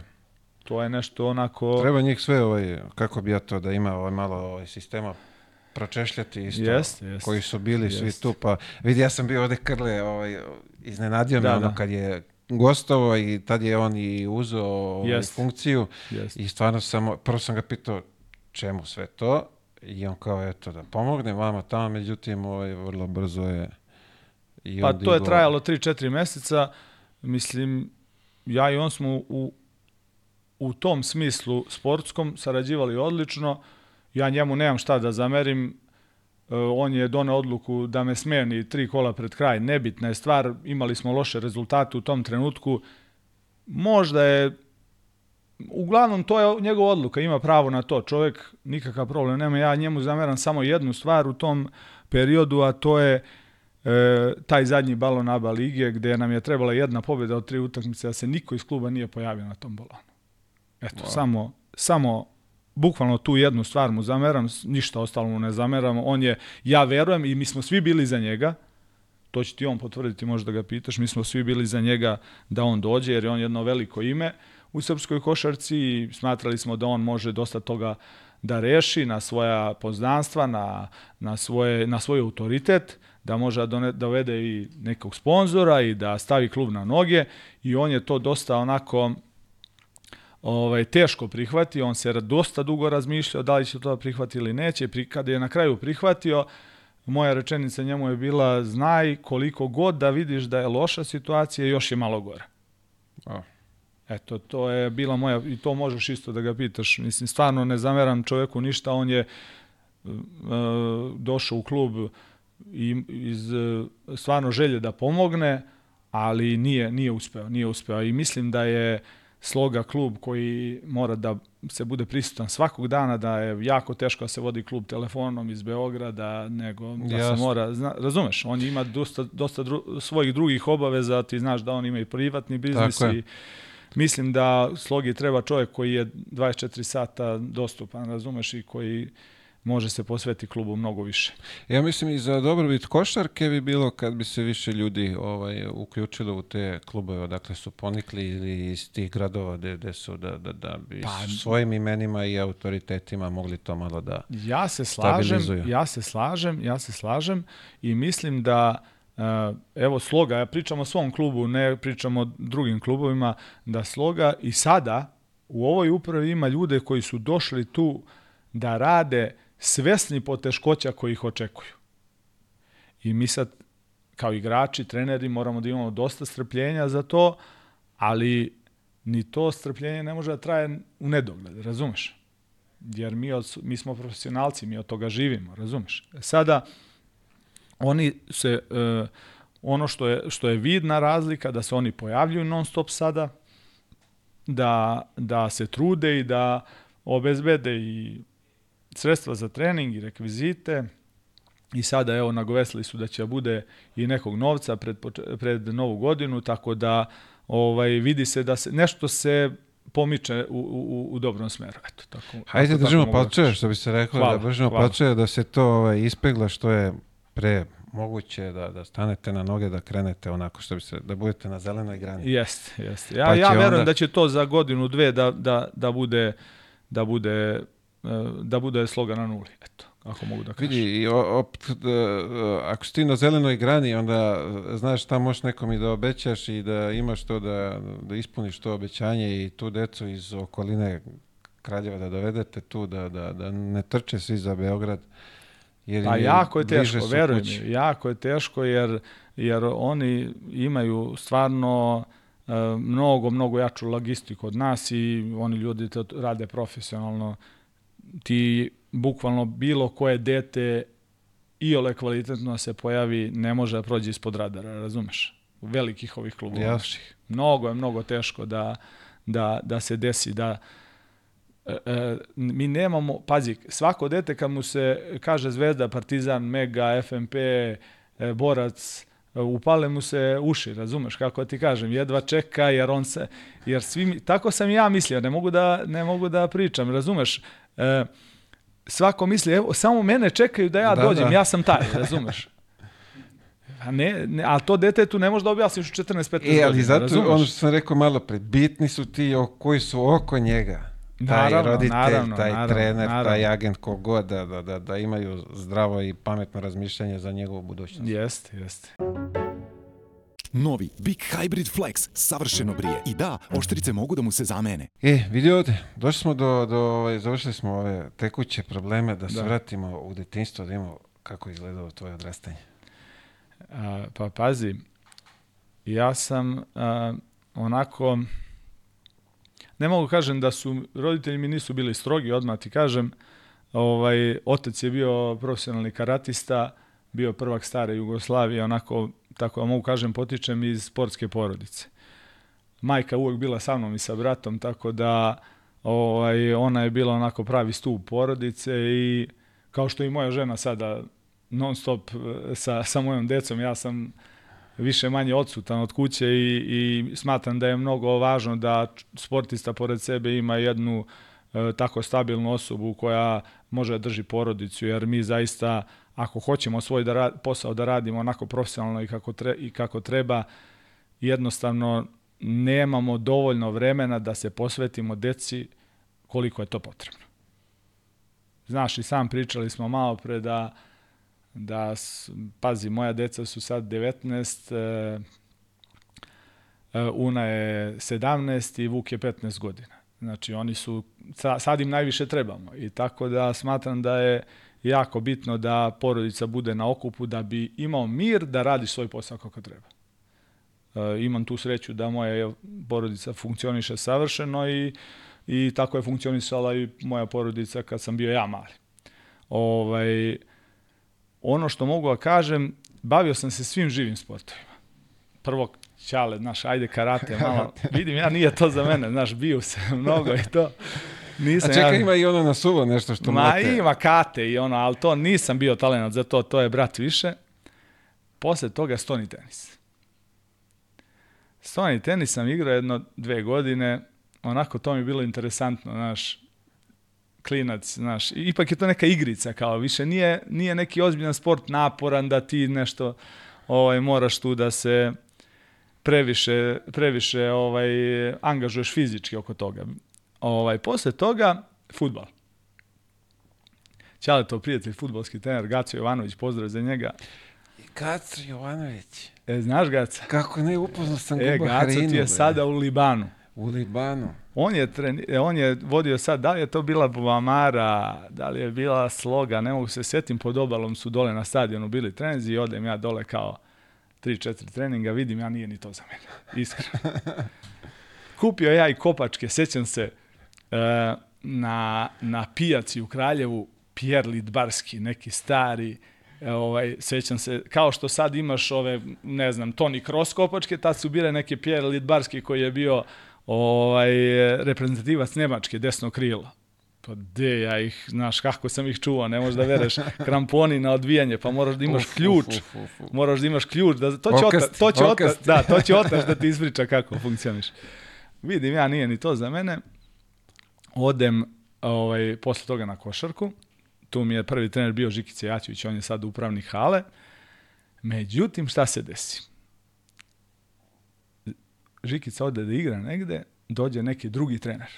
A drugi trener je moj veliki sadašnji prijatelj koji je bio posle pomoćni trener u slogi, ali je bio Žikica lep kao lutka, frizura, sve, a ovaj brada, crn, namršten, strog, rekao kakvi neću ja, to je Gagi Stefanović. E, e, e, otac od Višnje Stefanović, košarkašica, ona sad igra u budućnosti, možda znaš koja. Okay, Okay. Igrala je u art basketu prošle godine. Ovaj, rekao, neću da treniram kod ovog čoveka, mnogo je strog, kakvi ne dolazi u obzir. Kaže, Keva, moraš, nećeš da porasteš. I tako ti ja ostanem, ostanem da igram basket. Nisam nešto ni porastao, ali ostao sam da igram basket. Čekaj, moraš, nećeš da porasteš. Nećeš da porasteš, kaže. Znaš, tad je bilo ono, ako, da se izdužiš, znaš, tamo su, svi su visoki košarkaši i to.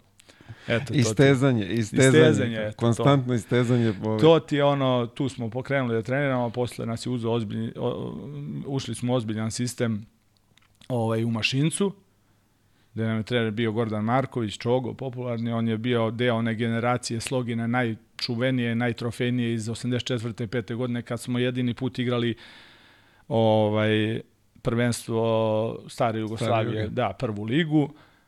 Uh, moja prva utakmica sloga Cibona kad je Androk Nego slomio tablu. Znači, to se sjećam kod danas. Ja sam imao možda 6-7 godina i čovek lomi tablu. On je bio onako snažan, veliki, znaš, i lomi tablu, pauza dva, dva sata dok se ne namontira nova, znaš, nije to bilo kao sad. Bili su oni za... koševi sa sa, zgore sa da, plafona. Da, onda ne da. možeš da ga spustiš da meniš tablu, nego mora se penju, te tabla teška, razumeš? Mislim da je Ivo Nakić pričao o tome, da su nešto igrali negde jeste, i onda su sigurno. došli dole Kaže da ne slomi tablu, ne bismo pobedili nikada. Eto, vidiš, to nisam vidio, ali jeste slomio tablu, tad je ovaj sloga bila onako, e, sve su bili igrači iz Kraljeva, bio je možda jedan ili dva igrača koje nisu kraljevčani. Ovaj. Evo mi stanima sa, taj početak tvoj, ovaj, kad, kad si savladao taj strah kod trenera, od trenera zapravo. Da, da, da. da. A, ovaj, kad je krenulo sve to, jesi imao neka maštanja? Pa kako nisam? Pa ja sad, sad ti kažem, niko nije mogao da me ubedi da neću da igram NBA. Ne mene, nego nikog od nas. Nikog od nas. To je bilo, sjećaš se, e, bili su oni posteri u prirodnoj veličini.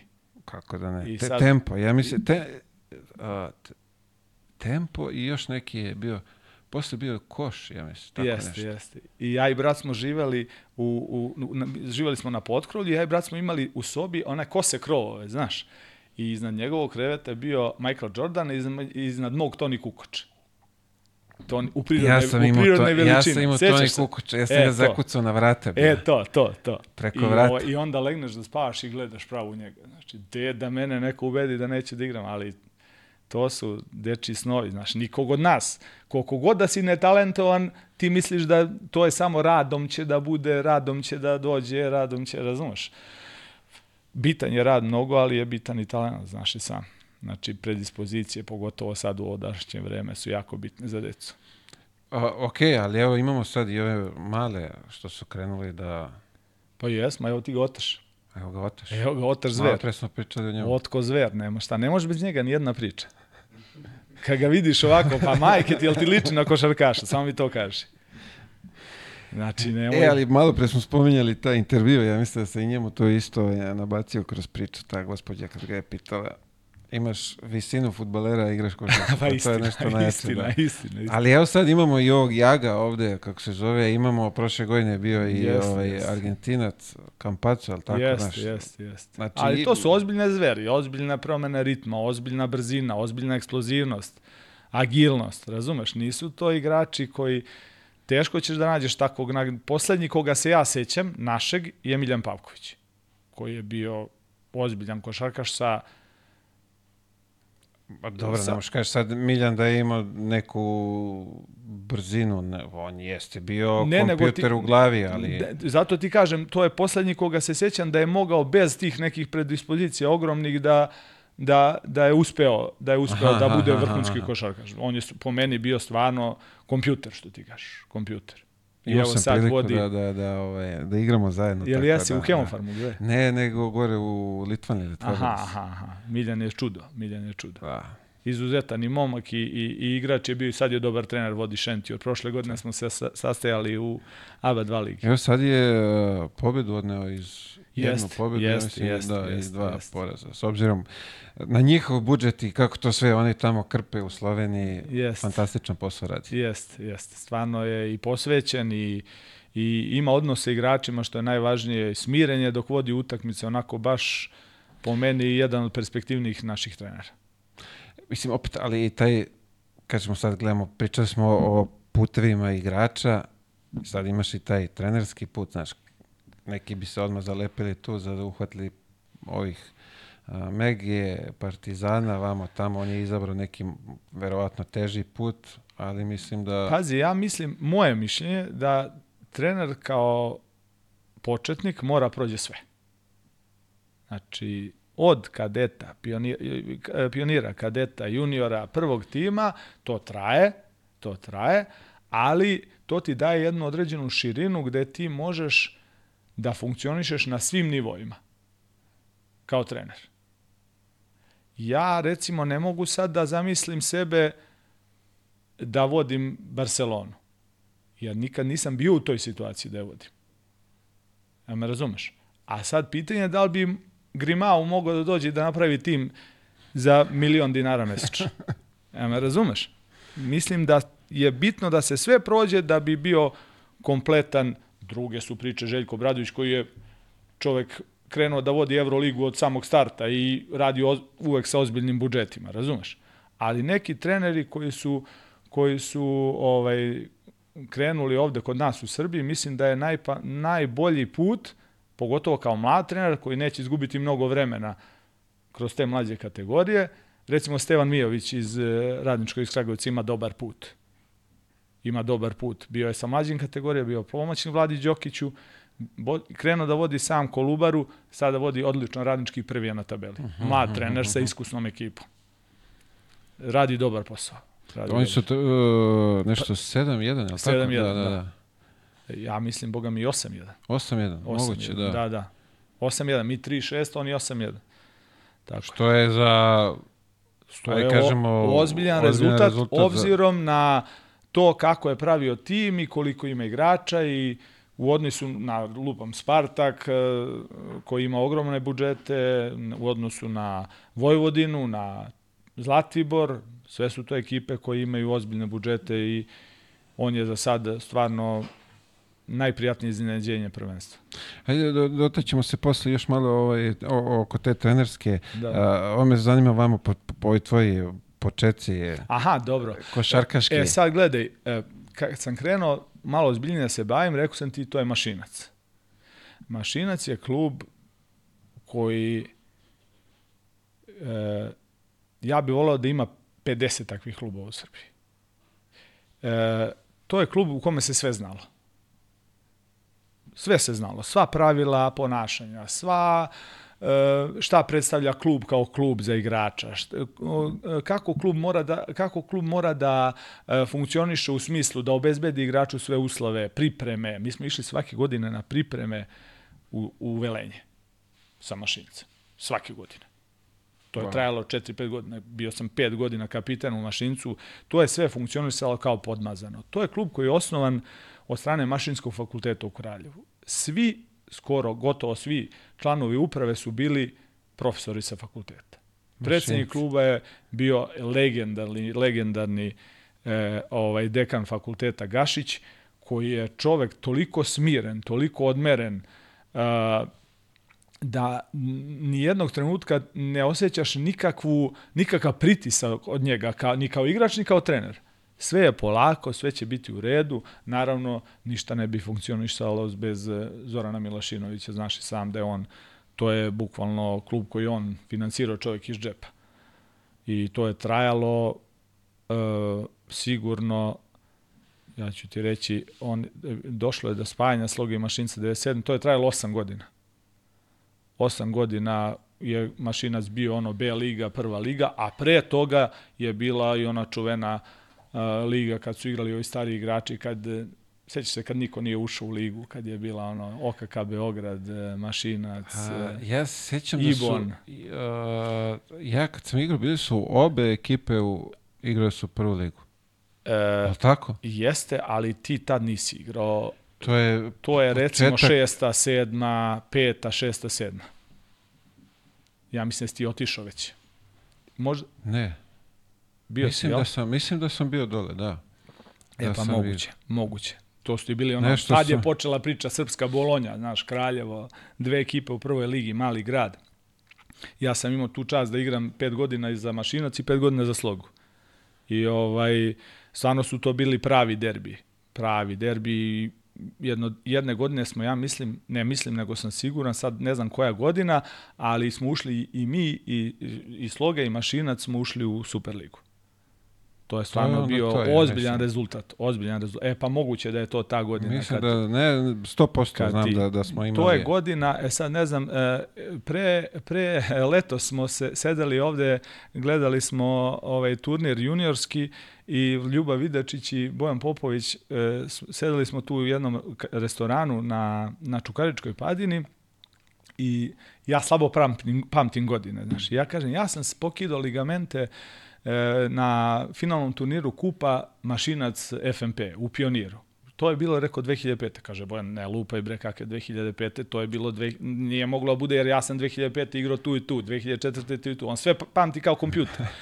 I ja ne budem lenj, 18. februar 2006. Tad sam pokidao prednje ukrštene i i tad je Mašinac kao klub zaista ispao, evo to, to ti dovoljno govori kakav je to klub bio. E, ja operisam kod Milankova profesora u, u Novom Sadu i dolazi dolazi predsednik kluba, to jest vlasnik kluba Zoran i kaže donosi mi ugovor. Ja kažem šta je ovo? Kaže to je novi ugovor na još dve godine. Ja kažem pa znam, ali ja sam operisan pitanje kad ću moći da igram. Ti si ovo zaslužio, ovo ti od kluba. Ja pogledam uslovi kao da sam zdrav. Kao, bukvalno dve godine čovek ne zna kako ću, kako ću se ja oporaviti. Ti znaš šta su prednje ukrštene. Da, da. Pitanje je da li ću moći za 6, 7, 8 meseci. Tako da to je bio mnogo ozbiljan klub i, i žao mi je što se, što se klub kao klub ugasio. Mislim, nije se ugasio i dalje, imaju neke mlađe kategorije, ali ne postoji prvi tim. Pa dobro, vidi, to je opet uh, i zasluga, ovaj, lep, što bi se reklo, čin prema tebi i ti si odatle, Ali pazi, Mile, to je prema svim igračima koji su se povredili u mašinicu, veruj mi. stvarno. Veruj mi da je prema svima. Evo ja ti kažem. Znači, stva, oni su, mislim, nisu dobili svi nove ugovore, ali svi su ispoštovani Da, do da, kraja da, da, ugovora, da. svi su, razumeš, zaista je bio mašinac, je bio klub koji e, treba više takvih klubova da postoji. A, ako neko se zalaže za to da, da, da trebaš poštuješ svoje, što bi se reklo, lokalne Da, da, igrače, da, da. to sam ja, poštuj to Pa odatle. jeste, jeste. Mislim, ja sam slogaš, odmah se razumem. Mi smo svi u, Kra- ti u, u Kraljevu kad, kad igraju sloga i mašinac, 98% navija za slogu. 2% Pa navija za dobro, mašinac. naravno, stari klub Tako i da, duža ja, ja i ne sve. mogu da kažem, ja sam slogaš, ali, ali isto tako sam i, i, i fan mašinca. Kao. A, ovo me zanima, ulazak tvoj u seniorsku košarku, kako to izgledalo? e, sad ću ti S reći. obzirom da je tu, kad si ti ulazi u seniorsku košarku, bili su ozbiljni, ovaj, prekaljeni jastovi, što bi se reklo. Sad ću da ti ispričam i to. Ja sam ti, e, kad rekao sam ti, otišao sam sa 16 godina u Partizan e, kod e, Novice Čičića, Novice Novice, Čičić, da. Čičić i moj kum Punoševac koji je sada, Saša Punoševac, on je on je generacija onih mladih trenera, e, Džiletova generacija, Aha, Igora aha. Kokoškova, oni su se družili i dan danas su oni u kontaktu. On je sada trener u Irskoj. Tre, vodio je njihovu reprezentaciju i mušku i žensku. U I Irskoj? ostaje, da, da, u Irskoj. I on je tamo ovaj napravio ozbiljan ozbiljan renome. Čak je u njegovu čast na nekim dvoranama su podignute srpske zastave i tako. Wow. Znači baš Bravo. je dobio je njihov pasoš i tamo i dan danas tamo radi. Baš je Bravo. onako Kakav mi je- podatak, svaka čast. Da, to mi je, to mi je kum i velika mi je čast što imam e, iz tog perioda imam imam četiri kuma. Dušana Dubljevića iz, koji je trener e, u Crnoj Gori mlade reprezentacije i Teoda, Milana Dozeta, koji Dozeta znamo svi, i Vlada Drogojlovića. Iz, iz tog perioda to su mi četiri kuma i jako sam ponosan na to što su mi takvi ljudi ovaj kumovi. Ovaj, šta se dešava, sad vraćamo se na priču kako je to bilo, ja dolazim, e, smeštaju me u Karoburma škol, e, Stevana Dukića ulica, okretnica 16. Tamo živimo, e, Panta iz Čačka neki, nije ga nisam vidio baš dugo, i posle dolazi Dušan Dubljević i, i Milan Oro neki iz Bosne. Izdala nam je stan neka baka koja ima 85 godina, ali nije izdala jednu sobu. I mi nikad ne znamo kad je ona u sobi, kad nije u sobi. Pazi, samo noću čuješ nešto lupka, kucka, da li je baba tu ili nije tu, ne znamo šta da radimo. Čeče, pazi, treba da ideš, izađeš go kroz, kroz sobu, razumeš, ne možeš. Trenirali smo u konjičkoj školi u Zemunu. Kreneš, kreneš busom, ja kupim, ja kupim Sarketa Srđana Sarića, našeg velikog prijatelja i, i, i predobrog i stvarno kad pričamo o njemu onako neka seta me uhvati, znaš i sam poznavao si ga, mislim to je jedna izuzetan lik. Ovaj, ja ga pokupim ovde, on je živo u Draže Pavlovića, on i Ratko Varda i polako Zemun. Idemo mi, pričamo, ne, to ti prođe za sekundu, razumeš. Tamo u Zemunu, moj prvi trening, ja ulazim, opšta tuča. Ratko se bije protiv neke dvojice. Tuča? Ja rekao, šta je ovo, ljudi? Čekaj, bre, polako oni se biju, kaže, svaki dan. Ja pogledam, stvarno smiriše se, oni izlaze na trening, ništa, sve normalno. Tu su bili dva momka iz Zemu na ortaciji, Marko Dakić i, i, i, i Bojović Kukoč, koji su ovaj, bili najbolji drugovi iz detinstva i ne daju jedan na drugo. Ali Rale, kad dođe, znaš kakav je Rale, to je, znači, frka svaki dan. I ja, pazi, dolazim u Partizan, to se dešava prvi trening. Ja rekao, gde sam došao, brate, šta je ovo? Ne znam o čemu se radi. Krećemo mi da treniramo, dobro smo igrali te godine, bili smo, kažem ti, kadetski prvaci, kadetski prvaci Srbije i ovaj, u Čačku je bilo prvenstvo. Sledeće godine ovaj, juniori, te godine je Đora igrao za za FNP i izgubimo od njih e, e, polufinale polufinale, to je tad bila McDonald's liga, ja mislim, aha, tako aha. nešto. I uzmemo bronzanu medalju i sledeće godine treba se potpisuju ugovori. E, Dozlet Varda potpisuju ugovori, ugovor za Partizan i odlaze na pozajmicu, mislim Zemun Taurunum, tada je bio klub a ja odlazim u Srem iz Sremske Mitrovice kod trenera Kostića, gde dolaze oni igrači što sam ti pričao malo pre iz FNP-a na razigravanje. Tu jedna sezona, onda odlazim u slogu, ponovo se vraćam u Srem jedne godine i onda je ključna sezona 99-2000 gde se vraćamo u slogu, mi dobijamo slogu sa Sremom u Kraljevu i oni dolaze, dovode trenera Kostića, mene i Sašu Vasiljevića u slogu. Aha, aha, aha. Kum Dozet pokida ligamente, rekonvalescent, dovodimo i njega u slogu. Vlada Dragojlović, Kosanović, Brđa Kosanović, sećaš se Kosanovića, da, Bojan Gnjato, Ševo i dovodimo jednog Amerikanca koji je bio izuzetan igrač. E, tu kreću Čekaj, za tog Amerikanca na priča. Jeste, jeste. Sad za njega ima dosta, do, dosta, još sam u kontaktu sa njim. On je, to je Džamil Mahmud, izuzetan, izuzetan uh, ovaj, jedan momak koji je stvarno ostavio prelep utisak i kao igrač i kao čovek u Kraljevu, on ti je došao te sezone, odradio cele pripreme i krenuli smo da igramo. Krenemo 0-6. Ne možemo povedimo nikoga. On meni kaže ovako, Marko, ja živim 12 km od Hollywooda. Ja, a tad su bile restrikcije kod nas. Ja nemam struju, kaže.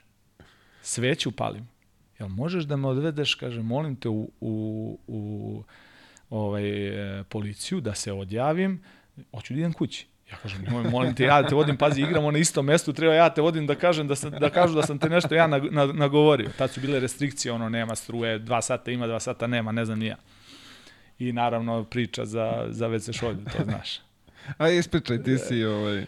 Pa ništa, Bio znaš kako tu. je, ti znaš kako je kad se uđu u, staru halu, desno su, desno je toaleta, a tamo su, pored toaleta su ovaj slačionice. I on je ušao čovjek, video čučac, rekao šta je ovo, neko je ukrao se šolju. A, ovaj, ali bilo je, bilo je to stvarno, vraćamo Čekaj, se... čovjek iz Hollywooda došao da, u Kraljevo. Sad, I sad ti njemu, te, pazi, odličan igrač, odličan igrač. Šesto kolo, sjećam se dobro, e, pola koša za nas e, protiv zdravlja u Kraljevu, e, pola koša za nas, oni imaju napad 10 sekundi do kraja. On čuva Rika Niševića. Uf. I ja gledam, a ja, znači, znaš kao da vidiš šta će da bude. I ja, ne, faul ispod njihovog koša. Kao on prišao agresivno, nam ukrade loptu. Iko iz dva penala, izgubi smo šesti poraz. Cela hala, kao da si ugasio halu. Kao da si ugasio, niko, svi muk. Ovaj, izlazimo iz dvorane i to mu je bila poslednja utakmica, otišao je posle za Ameriku, nije mogo da izdrži. Posle došao odjavio se krov, sam. da, odjavio se, odjavio se. I te godine smo, do, posle toga, znači, bilo je 12 ekipa, dva, e, to je 22 kola, je tako? E, od, e, od 17 smo dobili 9 i ostali smo u ligi. Wow. Dobili smo 9 i to dobijamo borac u Čačku, to mi je najdrža pobeda u karijeri, odmah ti kaže. To je, ali pazi, to je nekako večici ovaj rivalitet između jest, borca i, jest. i kraljeva. Pazi, znaš ti šta je tu bilo isto te godine? E, napravi se neko čudo, ali su, pazi, ove sudije sada su sudije gospoda. Tad je bilo jako teško da se sudi u Kraljevu. Znaš, bilo je pritisaka neverovatnih, znaš, i blizu je publika i drugačije je bilo sve, znaš. I nešto je, sjećam se, bila problem neki sa sudijama, suspendovana nam je dvorana. Moramo da, igra, da igramo 100 km od Kraljeva. Mi biramo Ivanjicu. Kad se ide preko Čačka ima 102, ali ima preko Guča 60, ali nema veze. Pazi, mi odlazimo da igramo Ivanjicu, e, tamo je, igramo protiv Lovća na sledeće kolo. E, to je ekipa Nebojša Bogavac, Savo Đikanović, e, Koljević, e, Tošić, dobra ekipa, da, stvarno, da. baš onako dobra ekipa. Dolaze oni tamo, a, recimo, 12 autobusa iz Kraljeva navijača. Gora atmosfera nego kod nas u hali. Da, zamisli 12 autobusa dođe u Ivanjicu da gleda slogu. To nemo, ja, kaži mi tim iz, sem Partizana i Zvezde koji, će, koji to može da uradi. Nijedan, garantujem ti. 12 autobusa i dobijemo tu utakmicu i tu krene. Stvarno, tu ovaj, od te pobede krene i ostanemo u ligi. Ostanemo u ligi te godine. Ali pazi, dobra je ovaj, ekipa ljudi je tu. Jeste, jeste. Ove što sjajna, si nabrojio, sjajna da. ekipa, sjajna ekipa. Sjajna Verujem da je bila i dobra za jebancija. Jeste, jeste, jeste. Tu je bila, pa ta utakmica je bila isto čuvena, ja i Vučko Cimeri. A on ti je živa enciklopedija, on ti je, znači, znaš ti šta, kakav je to duhovi čovjek. Kaže on meni, ja imam temperaturu. Kakvu temperaturu? Ludač? Mi u hotelu u Ivanjici došli kao dan ranije, treniramo ovo. Kakva temperatura, be sad čoveče, sutra utakmica. Jo, ja ne znam šta je ovo, ja mene lomi. Ja zovem fizija, Pecu čuvenog, Peca dolazi, daje mu Brufenčić, naravno Peca daje za sve Brufenčić, mi nemamo, nismo mi, razumeš, klub koji ima to. Popi ti jedan Brufenčić, dobar je za temperaturu, mala, bit će sve u redu sutra. Daj njemu da meri temperaturu. Kaže on joj, mnogo ima. Ja pogledam, kaže, ova najviše lomi, kaže, 37 sa 1. Kaže. Ja rekao, razumem te sve, ali moraš da igraš sutra. A on kaže, znam, morat ću. Te godine zaglavim ja tuberkulozu. Odigram, odigram uh, zadnje, zadnja tri kola taka je trebalo uh, da se za, bori za opstanak hemofarm kući, ne, hemofarm na, uh, čačak na strani i hemofarm kući. Struja Lukajić vodio hemofarm, isto opasna ekipa. Ovaj, pod temperaturom odigram te dve utakmice. Ja sam mnogo volao da igram bilijar, znaš. I završi se liga, ja odem, tu je bio karambol, znaš ono sa tri kugle. Ne igram ovaj na rupe, znaš, samo od karambol. I ovaj, i zakašljem se i pljunem ono krv kao, znaš. Završena liga, ne osjećam se, super se osjećam. Ja sam malo smršao, super se osjećam. Ja, moj bivši trener, koji je igrao sa mnom, Đorđević kaže, ajde da odeš sa mnom ti do hitne. Ja odem do hitne, doktor kaže, hitno moraš da snimeš pluća. Ja snimim pluća i diagnoza tuberkuloza, začetak tuberkuloze. Dva A, meseca u bolnicu, streptomicini, čuda. Ja zato nikad u životu ne teram igrača da igra nikada je bolestan, nikada je povređen, nikada, nikada. Osetio sam stvarno to na svojoj koži i to je jako opasno, mislim, daleko bilo uh, bolest koja je malte ne iskorenjena, a može bude i opasna po život. Znaš. Da, da. Tako da. Ja, imali smo ovde i ovaj, sad svetsko prvenstvo, baš su se smijali. Da, da. Blokadicu jednu da daju, pa će Da. ovaj, da, koliko to ovaj, kad kažeš daj blokadicu pa igraj. Pa pazi, da te pitam nešto, a ko će, ako, ako se, ako e, taj neko, blokada je obezboliti povredu. Ko je taj neko, ko je procenio da tom momku neće ništa da se desi kad primi blokadu? Da taj momak ne, usled toga što ne osjeća bol neće da preforsira nešto, a mu pukne nešto. Može da. samo gora šteta Samo da gora bude. šteta. Zbog jedne utakmice. Nema cenu to.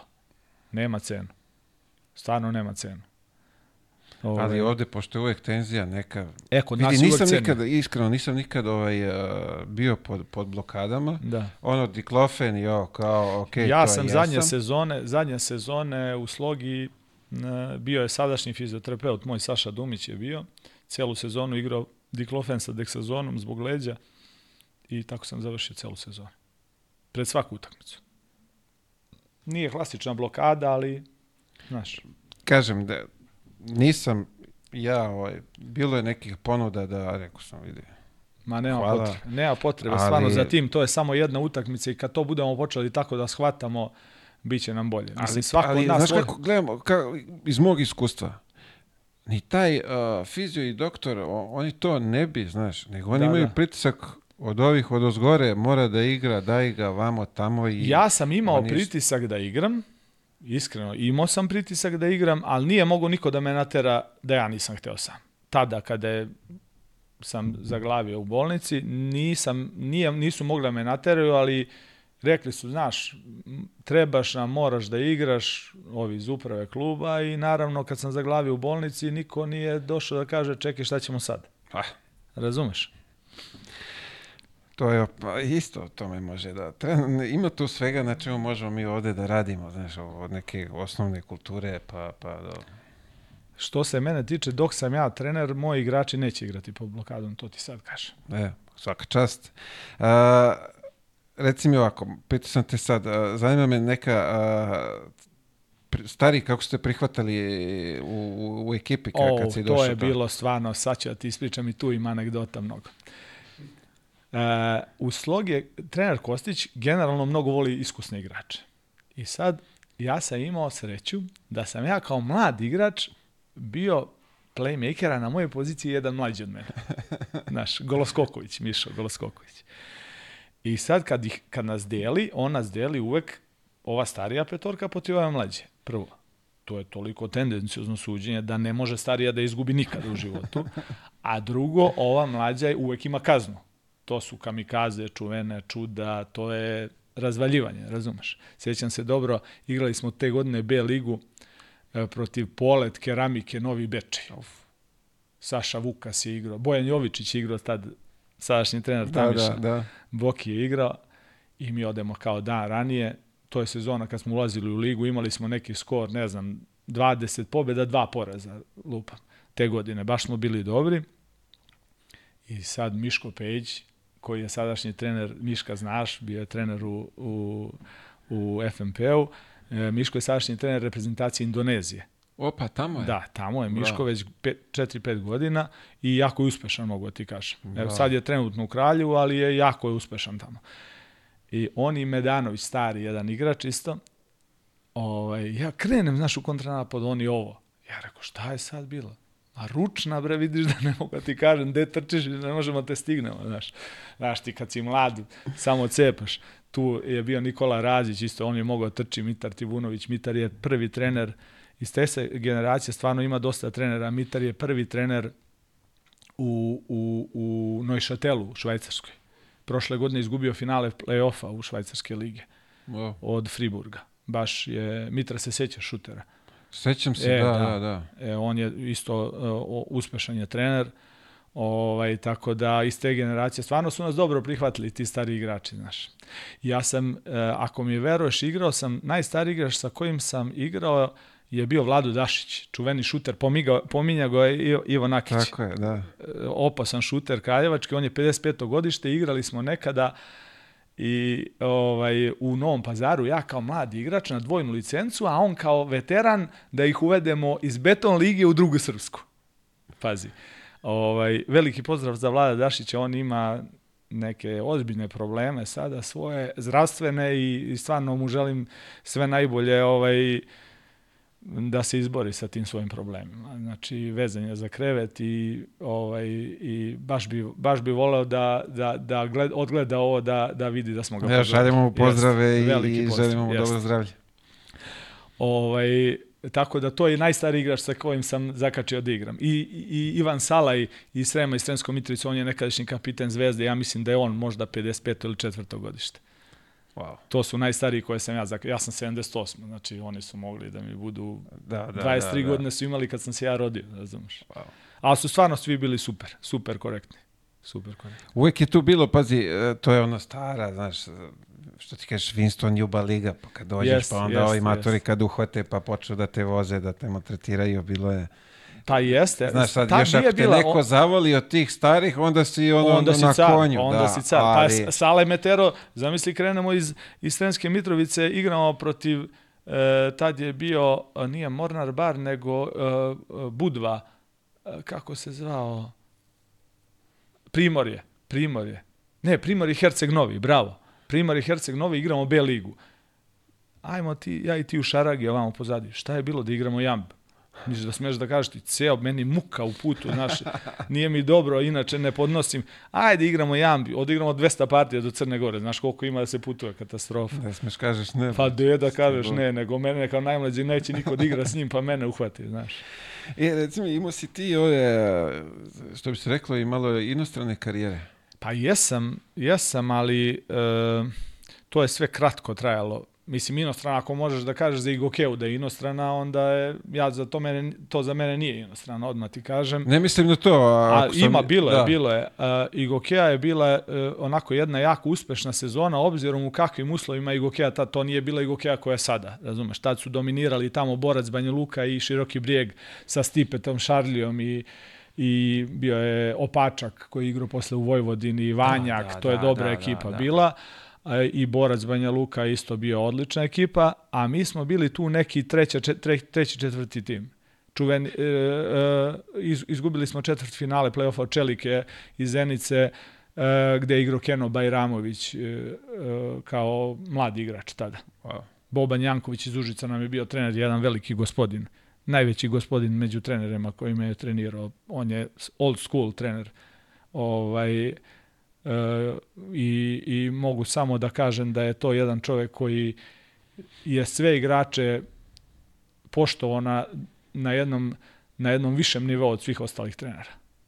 Koliko je to bitno, čovječ? Mnogo bitno. Mnogo Koliko bitno. je to bitno. Ovaj, Mnogo da, bitno. da, da. toj ekipi i Gokeja mogu ti kažem da je bio Dragan Bajić, trener. On je bio igrač Zoka Petković, isto sadašnji trener, e, sadašnji pomoćni trener i Gokeje. Oni su bili u toj kao domaći igrači u toj, u toj ekipi onako od ovih ljudi koje, koje ti možda znaš. Ovaj, bila je dobra epizoda.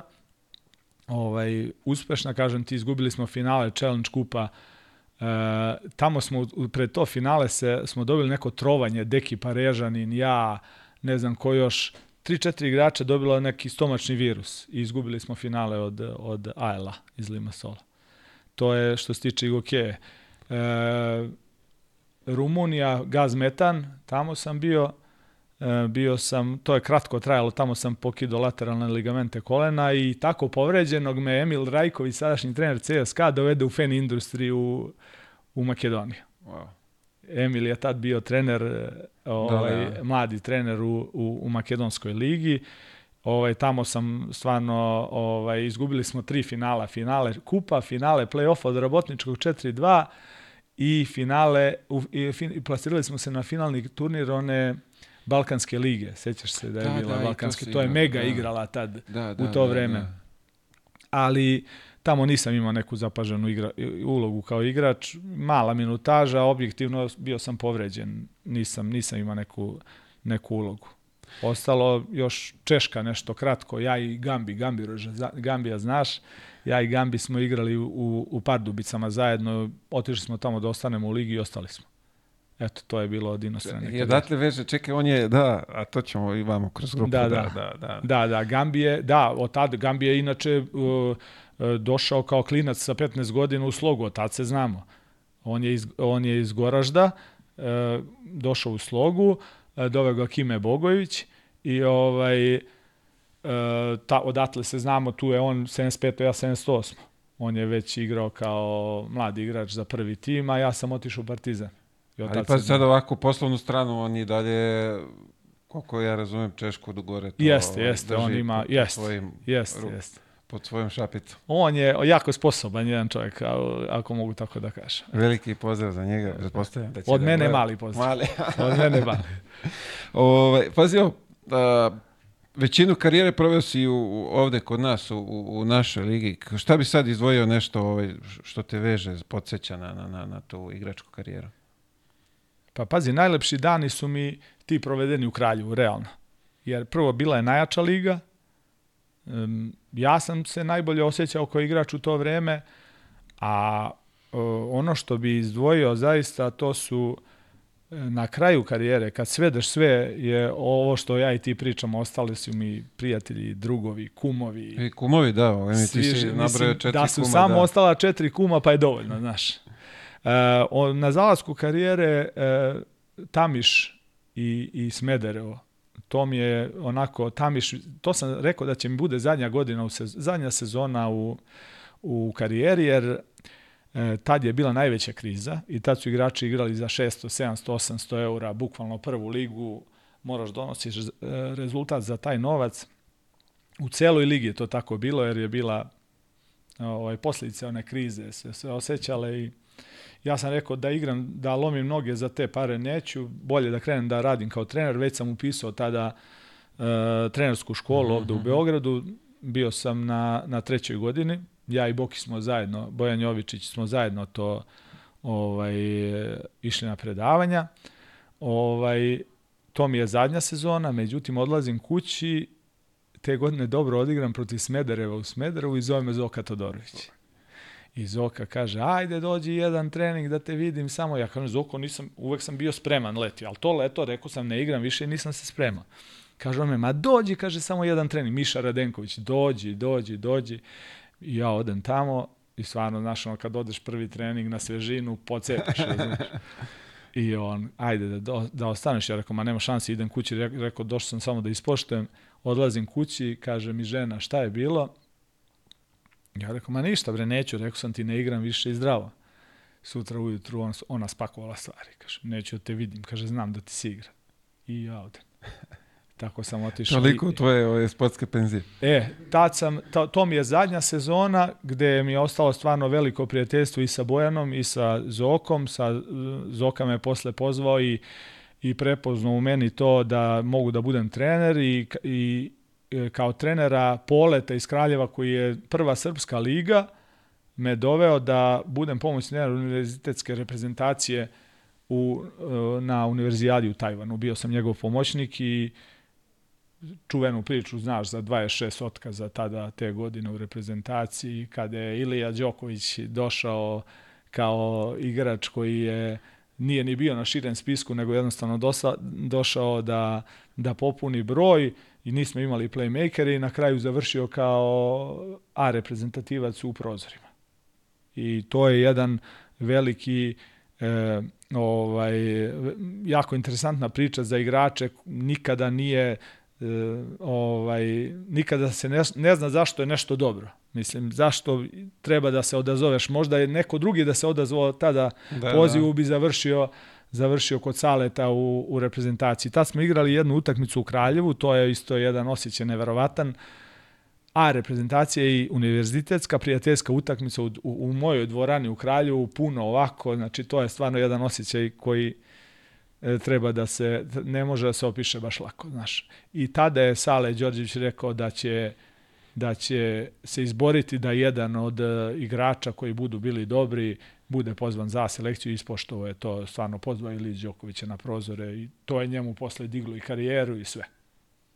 Svaka čast, svaka čast. Ne treba odbijati reprezentaciju. Naravno da ne treba. To se ovaj poslednje vreme dešava, da. A pazi, to se de, ja razumem da Jokić odbije reprezentaciju. Čovjek koji je imao 100 utakmica tamo, koji je koji verovatno sledeće godine treba da igra olimpijadu za reprezentaciju i sad zamisli da je on igrao tamo 100 utakmica, osvojio, bio najbolji, nije on neki uh, backup igrač za garbage time, tamo neki koji će da igra 4 minuta. On igra čovjek 40 minuta u proseku, 100 utakmica godišnje. I sada dođe premoren, izmoren, treba da odigra sad svetsko prvenstvo, pa da opet ode na 100 utakmica, pa da dođe za olimpijadu. Ja pretpostavljam i, mislim, pretpostavljam ko sam ja da pretpostavljam, ali ubeđen sam da će Jokić sledeće godine da igra za reprezentaciju. Nadamo se, da. Ja zaista verujem u to da je da je olimpijada onako baš, jer vidim ko će da bude pozvan za američku selekciju, ko se sve nudi, da će Dobro, to da oni bude... su to doživjeli sad ovde ovaj, Da. na svetskom onako Da, ja verujem da će to da bude za njega jedan motiv više da da igra, razumeš? Pa on nije neko ko onako hoće da ispolji to, kao da, da, da, da Da, da. pokaže da mu je da stalo, ali Pa nadam jeste, se u sebi jeste. da ovaj verovatno... Šta hoću da kažem, da ja razumem te prvotimce koji imaju naporne sezone Evrolige i to da jednostavno hoće da da sebi oduška jedno leto, da, da dovede telo u red, da, da se oporavi, ali ne mogu da razumem dete u 16 godina ili 17 ili 18 godina, neću sada da pričamo o imenima, ali imali smo ove godine ovaj otkaz igrača u došli smo na pripreme i Nenad Stefanović selektor je dobio SMS poruku od igrača da na taj dan, znači da neće moći da Pa dobro, da na, bude na član. vreme. Da, da, na vreme. Na bravo. vreme. Da. Na vreme i što bi se reklo na čast njemu ovaj, da... Pa mislim da je to, posle kad smo osvojili to zlato, mislim da je njemu bilo najžalije što se nije odazvao, razumeš? Pretpostavljam. Pa, Ali prirodno je To. to.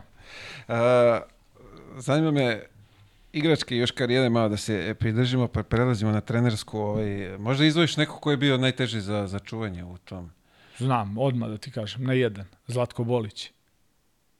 I još jednog mogu ti kažem. Još jednog mogu ti kažem, taj je daje, ne, neverovatno da je moja ruka ovako, a on mi je ovako daje koš. To je Slađan Stojković. I Slađan ti da 30 i kaže, dobar si bio, mali, odličan si bio. Šta sam bio, brate, odličan 30. Znači, Zlatko Bolić i Slađan Stojković, dva igrača Kako su to ubice bile? Ma ne možeš im ništa, brate. Ja im nisam mogu ništa, iskreno ti kažem. A nisam video baš da se neko... Pazi, taj Slađan Stojković je uh, igrao finale play-offa sa Borovicom, koja je bila sasvim skromna ekipa. Dobro, Sreta, on, uh, ko je bio? Pokrajac, uh, ne znam ko je bio? Bio je Stojan Peković, ali tako? Stevan Peković, bravo. Znači, ali on je tu dominirao, razumeš? Do- Dovedeš ti Borovicu do finala play-offa protiv Partizana. I to protiv, u takvoj ligi, razumeš? A ja sam ga zakačio posle kad je bio kad je bio malo stariji, u Radničkom, u, gde je još bio, čak i u Megi, ono zadnji, zadnji njegovi trze i tad je bio težak za čuvanje. A dobro. Ali Žuka je- Zlatko Bolić ubica. Zlatko Bolić za tu ligu našu u, to, u tom trenutku nema E, šta. ovde kad je, ovaj, kad je bio, pričali smo uh, prvi, prvi strelac svih ovih naših liga, tako nešto, neka, Moguće, neka, neka moguće. brojka Moguće, blesava moguće. koliko je, koliko je poena dao. Moguće. On je završio, ja mislim, u Radničkom Novom Sadu i tad je dao po 30. Sećaš se Radnički Novi Sad? Sećam se, E, da. I mislim da je tu završio, oni su igrali jednu godinu u prvu ligu. E, mislim da je da je tu završio karijeru, ali i tad je trpao po 20. To je to, praćka je uvek Ma, ovaj, nema šta. na mestu. Nema šta. I možda mi na, nabrojiš petorku ovaj, od tvojih saigrača kroz, kroz karijeru. To je malo ovako teže. Pa sad pitanje nis, malo si me zatekao, recimo na jedan sigurno Vlada Đokić. Na kecu. Na kecu Vlada Đokić. Na pet Vlado Dragojlović i Doze, to moram kumo, kumovski, onako, a i imaju kvaliteta za to, razumeš? A koga bi stavio onako šutera? Bilo je dosta dobrih. Bilo je dosta, recimo, ajde da stavim, evo sad, a tad se videlo, veruj mi, da će da bude vrhunski košarkaš. Stefan Jović. On je playmaker, ajde, ali možemo da stavimo njega i Vladu u paru. Može. On je kao klinac došao kao klinac došao u, u slogu i videlo se odma da će da ima da ima nešto što drugi nemaju. Veruj mi. I bio je mnogo posvećen i vredan i radan i stvarno je postigao je mnogo više nego što sam očekivao, mnogo više nego što sam očekivao, ali videlo se da ima nešto to što što ovaj što treba da bi postao vrhunski igrač. I šta znam, još jednog, šta nam treba? Četvorka. Treba nam trojka. Ne, Četvorka. dozet je na tri. Dozet je jel na tako? tri. Da, tražimo Četvorka nam treba. jaku četvorku. A, e, i to imam, ali taj, sa tim čovekom sam igrao, sa tim čovekom sam igrao u B ligi i tvrdim da je on napadač koji je mogu svakoj prvoligaškoj ekipi da bude vrhunski igrač, a sjećaš ga se sigurno, to je Aleksandar Matić iz Srema. On je došao u FNP tamo negde Bio je pre mene, da, ali znamo Prete. o kome pričaš. da. levoruki šuter da. ubica. On sad živi na Kipru. To je bio igrač isto koji je imao 25 poena u svakoj utakmici u rukama. Eto, to malo atipično, ali nisi očekivao to, taj tip, ali eto. Da, zanimljiva petorka. Eto, Eto, dobra, zanimljivo. dobra, ovaj, A moramo dobra da imamo širinu sa četiri, znaš. Ja, u- ja sam i za pet, sad je, ovaj, E, sad je to, moderna to, to, košarka. stretch five, To, stretch to, five. ja kad sam pripaljivan, to nisu razumeli. To, da. to, to. Pa su me Šta terali kaže, na klub. gde ćeš, Mile, toliki si, vrate, gde ćeš s polja? E, ali vidi ovo, dobili smo poruku, morao ja da ne bude posle da, da nas ovaj var Nemoj samo da je Ratko, a molim te. Da, ono pitanje, hoćeš da preskočimo? Nećemo, ne, preskočit ćemo to preskočit ćemo, pitanje. evo. To ćemo negde u Mladenovcu na pečenju, ako može. Može, E, to. može, može. Ovaj, moje da ja napomenem, a Da, da. ovaj pa neko on vidi kako će Nek- posle. E, prelaziš u trenersku ovaj, ovaj profesiju. a, ono što, što uvek volim da čujem, uh, si imao ti nekog mentora koji je bio tu uz tebe ovaj, da te savjetuje, da malo da, da, da ili si zvao nekog da, da, da čuješ mišljenje? Ne, ja sam znao kad sam počeo da igram košarku da ću posle karijere da budem trener. Ne znam kako, ali to mi je bila ideja od samog početka. Wow. Ti E, si baš a- ono gledao Da. daleko.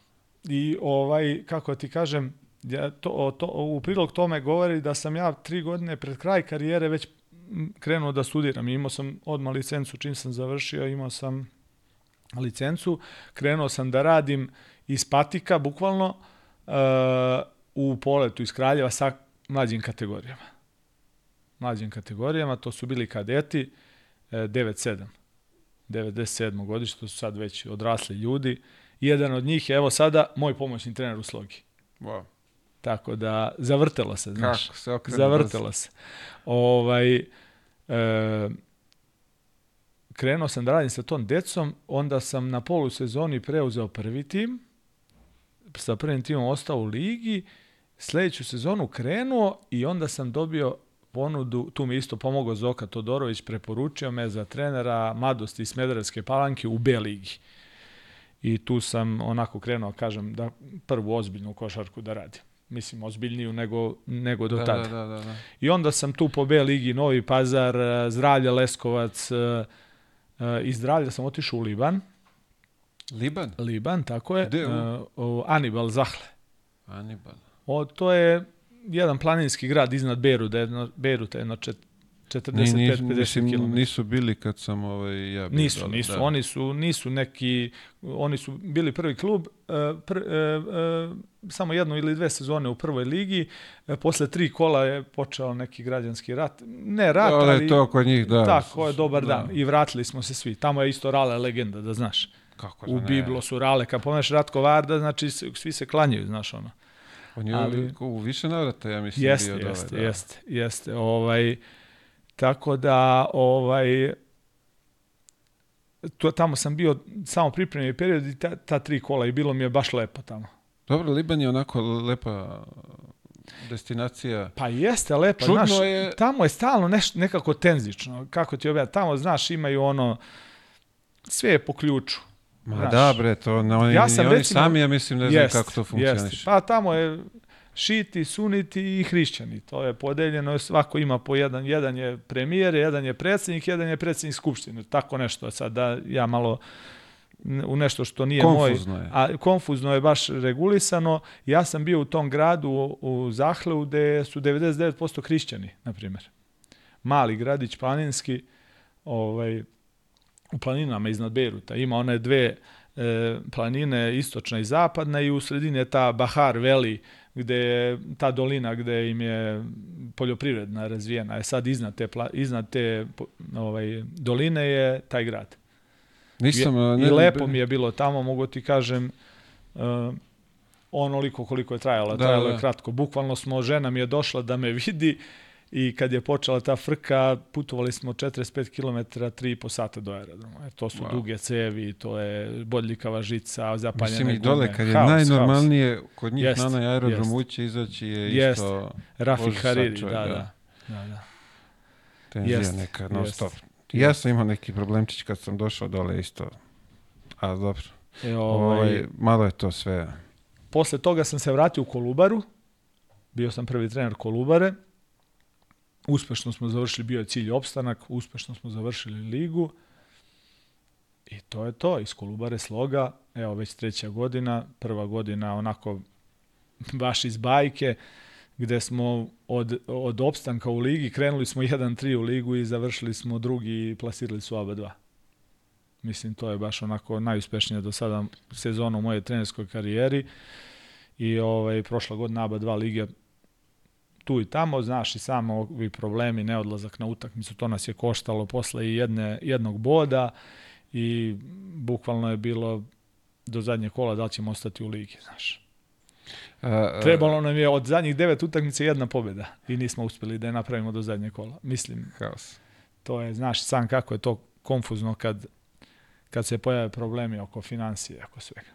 A, sad me zanima ovo, kažeš, dole jeste kako jeste u Kraljevu, financije, vamo sve. A, tvoj razvoj a, trenerske karijere je bio ovaj, a, naravno u nekom, verovatno s nekom boljom finansijskom ponudom da bi išao preko ili bi ostao ovdje s ovim vetrenjačama i dalje da se mlatiš u svom rodnom gradu? Pa ja sam imao sad ponovo ponudu iz Libana. Neki klub gde je igrao, gde je igrao Bjelica prošle godine. NSA ili tako nešto. Ali to je bilo nešto baš simboličan neki, no, mislim ne simboličan, malo veći nego što imam u Da. Kraljevu. Zašto, zašto bi išao bolje da ostanem, ali za neki dobar novac bi možda išao. Ne možda išao bi siguran, Jasno. za dobar novac bi išao.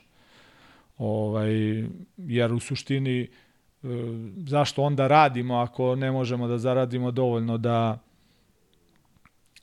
imamo mirnu posle sportsku penziju ili tako nešto. Sve jasno. A, reprezentacija, bio si deo ovaj, ove Pazi, čarobne to je, letnje. to je možda najbolje iskustvo do sad u mom životu. I prva reprezentacija sa Zokom, ta univerzitetska, gde smo izgubili e, polufinale univerzijade od Amerikanaca i onda smo i onda smo ovaj za, za bronzanu medalju vodili 10 razlike protiv Letonije, izgubili utakmicu na neku zonu 2-3, nismo se snašli, izgubili smo utakmicu, a ovo ove godine to je stvarno bajka. Mislim, ja ja i Šone smo se nekako, ja ga sad želim Šone prijatelj. Svi ga zovemo svi Šone, ga ja zovemo znam, Šone. da. Ovaj, ja i Šone smo se nekako pratili kroz karijeru, znaš. On je igrao u Kraljevu, pa je onda igrao pre mene u, u Pančevu i pre mene u Smederevu.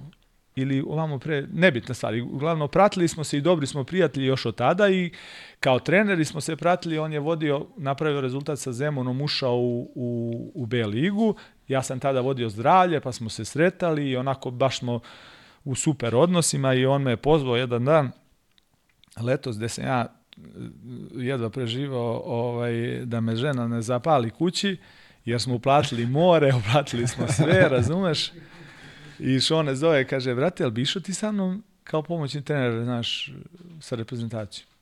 Ja kažem, bre, brate, Što ne zva juče. znaš. što ne znam, bre, pred mesec dana, nije s- Kaže, rekao, ali ja to ne mogu da odbijem. Prvo što uh, on je jedan ozbiljan trener koji radi na sebi i bez obzira što je mlađi od mene, ja smatram da je on jedan trener od koga ima mnogo toga da se nauči i ja smatram da sam sigurno 50% bolji trener posle ovog leta sa reprezentacijom.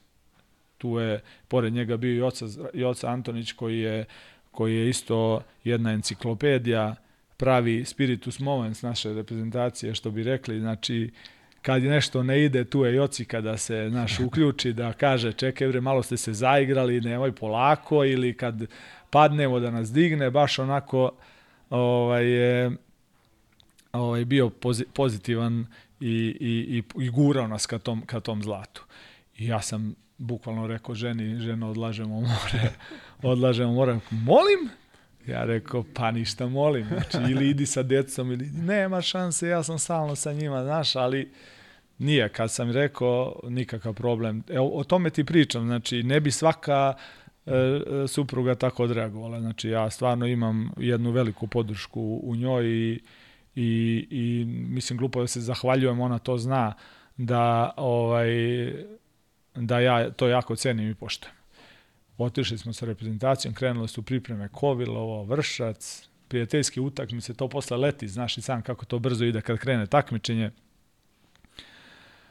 Ja i Vasko smo pomoćni treneri, njegov pomoćni iz, iz FMPA tu onako noću oko skautinga, jer oni su uigrani, znaš. Ja sad treba da se uključim, da se prilagodim njihovom sistemu, ali mislim da sam dosta dobro, dobro odradio taj posao i vidim da je, da je Šone zadovoljan.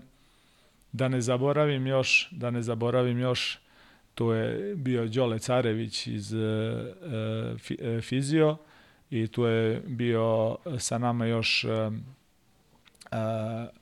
Uroš Vidović, kondicioni trener koji je sada kondicioni FMP-a, koji su zaista mladi momci odradili svoj posao svoj posao ovako besprekorno i, i zaista smo bili jedan dobar tim koji je znao ka čemu ide. Znaš kako sa Šone je pozitivac i on stalno i postavlja sebi visoke ciljeve, znaš. Ali na kraju mi je rekao, a mislio sam da će da bude medalja, ali nisam baš bio siguran da će da bude zlatna, znaš. Ali vidi, bez tih ciljeva ne, ne jest, da očekuješ rezultate. Znaš kako kažu, treba uvek postavljati ispred sebe izazovne ciljeve, ali realne ciljeve, znaš. Tako da, da te guraju ka tome, znaš. Ovo me sad zanima, ok, sve je super, osvojili ste, prošli ste, da. sve to fantastično, svi ponosni, srećni, ali e, zanima me, pošto sad svi pričamo o njemu, ja mislim da treba i dalje da se priča i više i ovaj, o malom Topiću, Topiću junioru, imao si priliku ovaj, da, da, da da ga treniraš, da budeš deo toga. Kako to izgleda iz tog prvog, što bi se reklo, iz prve ruke? Prvo dođe čokoladu za šut, tako da nije isplatio, Opa. nije isplatio. Dobro, ja dugovi, bar 300 ali ja ne zaboravljam ili... dugove, pazi, ne zaboravljam dugove, ima vremena, vidjet ćemo se, ona, no i set ja volim, ono, toplje, topljeni lešnici, znaš. Opa. To, to, tam je ja, nekako Reci mi, 300 grama ili ovo 90? Ne, ne biram, znači ne. ona i onako neće bude pojedena, ja hoću da imam jednom kad bude igrao NBA da kažem gledaj, ovo je NBA igrač. I da potpiše. Pa naravno da obavezno, nek, sa potpisom. Nek potpiše i nek sa donese. Sa potpisom da donese i tako. Uh, jedno veče u hotelu Đole Carević, mi smo se skupljali stalno ovaj, na, na recepciji, znaš, igrali smo karte, vole svi da igraju u stručnom štabu karte i on sedi sam top. I Đole Carević ga pita, šta radiš to tope? Kaže, zamišljam kako dižem pehar. To je drugi dan, treći priprema. Opa. Hoću da ti kažem koja je to glava. Wow. To je, znaš, onako baš za jednog tako mladog momka, mislim da to govori sve o njemu, znaš. Izuzetan talenat, onako kad ga vidiš, on je zvezdin igrač u tom trenutku bio ja kažem kumu dolaze tu rekao, bre, sviđa mi se ovaj Topić mnogo, ali nešto mi ono telo njegovo nekako nije, kako, znaš, nekako je, kaže, znaš ti da, da, samo, da samo Dobrić ima bolje rezultate od njega na, na testiranjima. Ja nisam mogu da verujem dok nisam video. To je takvo ubrzanje, takva promena ritma, neverovatno nešto. Kontrola lopte, ne mogu da ti opišem, zaista kontrola utakmice, zna gde su mu igrači, zna gde je trener, zna gde je ko u publici. Stvarno je onako kao da ima 26 godina, znači kao da je iskusan igrač. Tako se ponaša i tako igra. I to se vidi sada. To se vidi sada. Ozbiljno. Ne beži od odgovornosti, što je najvažnije za jednog mladog igrača, a i mislim da je izabrao pravi klub u kome će da se razvije do, do kraja. Slažem se. Mislim, Mislim da ima priliku sad, ima Jest, i jest. minute, igra dobru ligu jest, i jest, jest. sve je podređeno. Mislim da je ostao u Zvezdi, znaš kakvi su pritisci u Zvezdi, juri se rezultat, pitanje da li bi on mogao da... Ne bi, to je, ima Ne bi, da, znamo, bila je da. neka priča kad smo se, sedeli još u, u maju, Final Four, kad je bio, Da, da. pa je tu ne, neki ovaj, razgovori, tako da tad se već znala da šansu neće dobiti. Jest, jest. Ovaj, a, spominješ karte. Da, Ovaj, šta ste igrali? Remi. Remi. Remi i imali su neku glupu igru koju ja nisam hteo da igram živ, ali mm, na kraju su me nagovorili, nisam mogao da naučim pravila pola sata, zezo me i oca, znači nisam mogao da živim. Šta je, ko je to igra? Ne interesuje me uopšte, ne, ne mogu da se setim šta je beše bilo neka igra, ne mogu da se setim. Šta može s kartama još? Imaš ne onaj mogu Uno, nešto, imaš... nešto okreće se, e, okreće se, sedmica kupiš četiri, ne mogu se setim. A bre, čekaj, kako zove Kako to? zove? Joker kupiš osam. Mau, kupi... mau, ne, tako? Mau, mau, Mau. bravo, mau, mau, mau, mau. E, to su me terali da igram, odlepio sam, znači izgubio sam prva dva dana, nisam teo da igram, to živiš. To je vrhunska igra. Ma neka, neka, bez mene. Zez. Bez mene. Pa onda izmisle nešto, mala dvojka, vraća se unazad, kupi četiri, već pre te beži, bre. Ta, ja stalno kupujem, ne znam kako, brate. Znaš, Nisi se snašao. ma beži, kakvi. Dama menja smer, ne znam, ni ja šta. Ima, svaka karta ima neko značenje. Kakvi to? A uvatili su to mašinu. A u 100%, mašinu, a oni igraju stalno, razumiješ? Dok nisam naučio to, da igram, bre. radili su me kao, znaš. A čekaj, da. ba, Remi, ili si...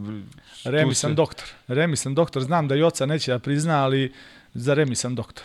Wow. Doktor, doktor, majke. To onda mora da sednemo, čovječe. Moramo, da, da vidimo, da se uverimo u Obavezno. to. Dobro, malo, malo nećemo, ako kažeš Nemoj, da... malo, malo glupa mi je igra strašno, znači. Mnogo mi je glupa igra, majke. Pa šta, ka, koja je to igra? Ja imam dve karte u rukama, ti imaš 22. Mislim, ne razumem. A čekaj, kako, to si ti bio sa 22 u... Pa normalno, ja, pa mene sabiraju, ono, znaš. A, dobro. A, i, imam informaciju da ovaj, Kostića malog, da si baš, da, da ga gotiviš. Da... Odakle ti ta informacija, A? samo mi kaže. Pa vidi, ja radim ovde, pripremam se za nešto. Brate, mora, Znači- ko što se ti spremaš za utakmicu, ja se spremam ovaj za, za, za, za ovaj razgovor. Samo ću da ti kažem nešto. E, pa oni znaju ti što su ti rekli, razumeš? U Nišu punčajer. Punčajer. Igra se finale. Najvažnija utakmica. Cijela hala skandira kole, kole. Oćemo Kostić, oćemo Kostić. Pa pravi košarkaš, brate. Pokreti košarkaš. Lep ko lutka. Znači, lep ovako, lep. E sad, kako će se razvije, vidim sad, juče su izgubili, ali nije baš odigrao neku partiju, pretho, pratim ga obavezno, gledam svaku njegovu utakmicu, Gde mislim igra, da izvini, po, u Zvezdi igra, Po, zvezdi. u Zvezdi igra, u juniorima, mislim sad na šalu na stranu, stvarno je onako interesantan dečko, jako talentovan, a, a mislim da je na dobrom putu, na dobrom putu, još uvek se nije formirao fizički, kad bude ojačao, kad bude bio malo tvrđi, ovaj, odlična ruka, znaš kako kaže Boško Đokić, A pozicija, molim te. e, šuter, dvojka. E, to je redak talenat. Znaš, to je redak talenat koji ima to, ovo ostalo će lako da se, ne lako, ali može da se nadogradi. Ako nema ruku, boga mi, muka je, znaš. Imam i za to jednu anegdot, anegdotu isto. Ajde. Imao se jednog uh, Roka Vranića, on je iz Nove Varoši igrač, igrao je po tim B ligama, igrao je kod mene u Smederevskoj palan, Smederevskoj palanci. Odakle šutne u- daje. Znači šutira 3 poena, 60%, kunenti se. Da li je to iz tranzicije, iz izlaska? Odakle je, šta je, to je nebitna stvar. Ali ta lopta ulazi. Skoro je okačio neki klip, recimo prošle godine, da daje sa koša na koš 38 trojki za redom. Skoša Neva- na koš. Da, ono trči na jedan koš, uzme loptu, Aha, trči na aha, drugi aha, koš okej, okej. I 38, 30, ne znam ni ja, nisam ni broja koliko je ubacio. I ja zovnem Čika Boška, Čika Jokića. Eko, Čika, on je bio, e, ota, znamo se, on je bio trener Mašinca, ja sam bio trener Slogi, a nikad nismo sarađivali. Rekao, Čika Bole, imam jednog igrača, mnogo teško igra odbranu, loš je na nogama, na driblingu je jako problematičan, može da se iskoristi možda u nekom, u nekom preuzimanju i to, ali ima ruku, ne, ne, ne promašuje. On mi naravno kaže, iskusni lisac, e, majstore, to je redak talent, iskoristi ga. Pa kako? Pa ne znam kako, iskoristi ga. ja sad razmišljam šta da radim, razumeš, ali kaže, ti igrači koji su toliko dobri šutori, moraš da im nađeš mesto. Da, da. Moraš da im nađeš mesto, ne vredi. Negde neki ćošak. Neki ćoš, nešto, moraš da čeka. ga kriješ u odbrani, ali kad znaš, kad ostane, kad, ti, kad je primi da će da bude ko što je to. Vidi, ovdje ima sad jedno pitanje, malo možda je škakljivo, ne bi ovaj, Ajde. nešto da te ofiram, ali ovaj, sad da li je to kroz te karte i šta, da si već posle prvog piva A loša je tolerancija na alkohol, odmah ti kažem. Ovo loše. Prvo, drugo, treće koma. Wow. Loše, nisam koteš. Nisam koteš. Je da je samo otaš. E, znaš ti kako je, e, e, kad smo igrali u Argonomu zajedno, ovaj, e, ro- rodila mi se čerka, najstarija. On i Boća Ljubović su me ovako doneli kući. Ja nikad nisam pio do tada. I oni, ajde, idemo, idemo. Bili smo u pozorištu u, u ovom e, u Nišu, tamo je bio neki lokal i onda tamo na bulevaru neko, neki, neko drugo mesto, nemam pojma. I ja, oni su mene doneli na rukama. Jer stvarno, nisam ja mnogo popio, ali jednostavno ne podnosim alkohol i to je to. Jako loše. Brzo me hvata, znaš, jeftin sam. jeftin sam. Kad izađemo, nemoj se bojiš, ponesiš 2-3 hiljade dinara i to je to. E, Dobro se ti uklopio onda u ovaj stručni štab. A dobro, dobro, dobro. To su prekaljeni ovaj lisci. Pa, Mladi, ali- Mladi, ali dobri. Mogu da pruže. mogu, mogu, mogu. mogu. Vidi još jednom moje čestitke na, na, na zlatu, tebi i celom stručnom štabu, momcima. Hvala, stvarno je bilo nezaborno iskustvo i, i ja verujem da, da je iz ove ekipe naše će sigurno izaći bar dvojica igrača za, za A-tim. Ja stvarno verujem u to. Ima i više koji su potencijalno tu interesantni, ali da, da dvojica izađu, mi smo na konju Naravno. iz te selekcije. Ali opet, ako klinci gledaju momci koji su bili deo toga, Tako je. moraju mnogo guzicu da Mnogo, oznoje mnogo, mnogo, da mnogo. bi ovaj, stigli do, do, do nekih Talenat je rezultata. jedno, a rad je drugo. I talenat i rad, ako se ne poklopi ono što treba, ni to ne garantuje uspeh.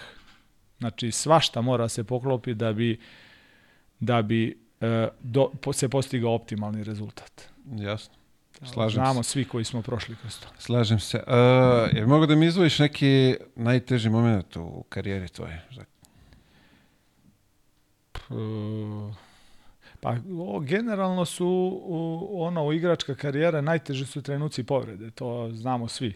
I te ozbiljne povrede, ja kažem ti imao sam dva puta, jednom prednje uklštene, jednom taj peh kad sam se razboleo i onako u, kad vidiš da, da, da sve ono što si ulagao godinama i što si radio, znaš, može da se dovede pod znak pitanja zbog neke onako banalne stvari mislim, banalne stvari, ja sam pokidao prednje ukrštene, nikome nije pipno. Tad je bio dozvoljen onaj, sjećaš se da je Haris Brkić to počeo prvi da radi onaj produženi dvokor. Da, da, da. da. I ja sam sa leve na levu naskočio i bukvalno mi se zgužvala noga, razumeš? Nije izdržao. Nije izdržala i to je to. Nikome nije pipno. I onda vidiš da, ajde da, da je neki e, ovaj kontakt, da je nešto, ali može se desi u svakom trenutku. U svakom trenutku i na svakom mestu. Pazi, sad tu ima i do, da li je do opterećenja, preopterećenost. Te godine ko- sam igrao baš mnogo. Preko 35 minuta. Zamor materijala. Da, da, moguće. Te godine. Tako da, Eto, to mogu da izdvojim onako kao najteže, najteži trenutak u mojoj sportskoj karijeri, a svaki poraz je težak, svaka pobjeda je lepa i zbog toga se i bavim ovim poslom. To je to. A, spominjali smo i kroz, kroz razgovor ovde e, oko mladih i sve, ali aj za kraj neki ovaj, da, da rezimiramo, što bi se reklo, savet mladima. Šta bi bio s tvoje strane? Pa sve ovo što smo pričali onako može da se sažme onako u, u, u dve, tri rečenice. E, Da glavni moj savjet je da imaju više alternativa. Znači da se ne okreću samo sportu, da sport daje ono što smo pričali i drugove i prijatelje i i e, razvijaš se, razvijaš se kao ličnost dobro, sklon si e, prijateljstvima, vezama, sve što će da ti donese posle uspeh u nekom privatnom životu, ali tako neke stvari neplanirane kada se dese, šta, šta onda?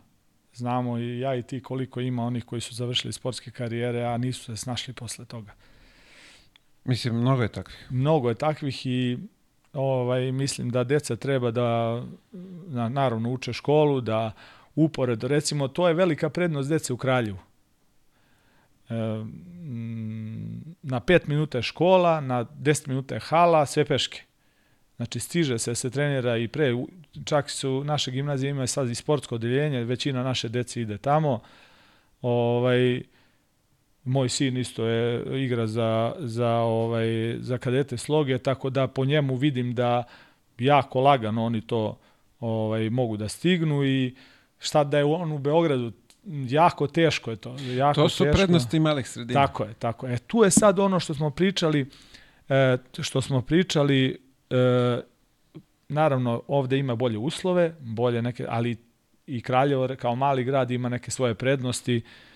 Oni su, i, imaju sada sreće da se slo, sloga kao kao klub stabilizuje i da imaju mlađe kategorije koje su konkurentne, koje igraju koji igraju, ovaj, evo sad smo igrali protiv Crvene zvezde u Beogradu pet razlike, znači nije to više kao pre, znaš, protiv Vojvodine u Novom Sadu pola koša, pobedili smo jednu utakmicu, tako da imaju gde da igraju, a sada kad iskoči neki ekstra talentovan, teško ćemo moći da ga zadržimo, znaš sam.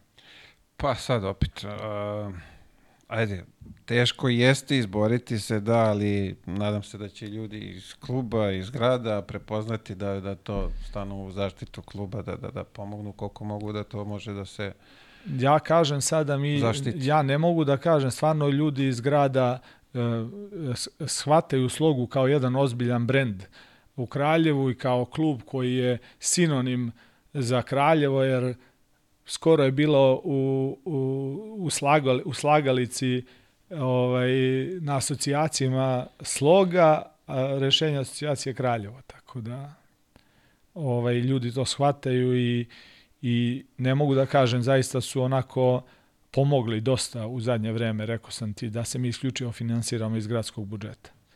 I samo je pitanje kad ćemo da isplivamo malo onako, znaš, Da.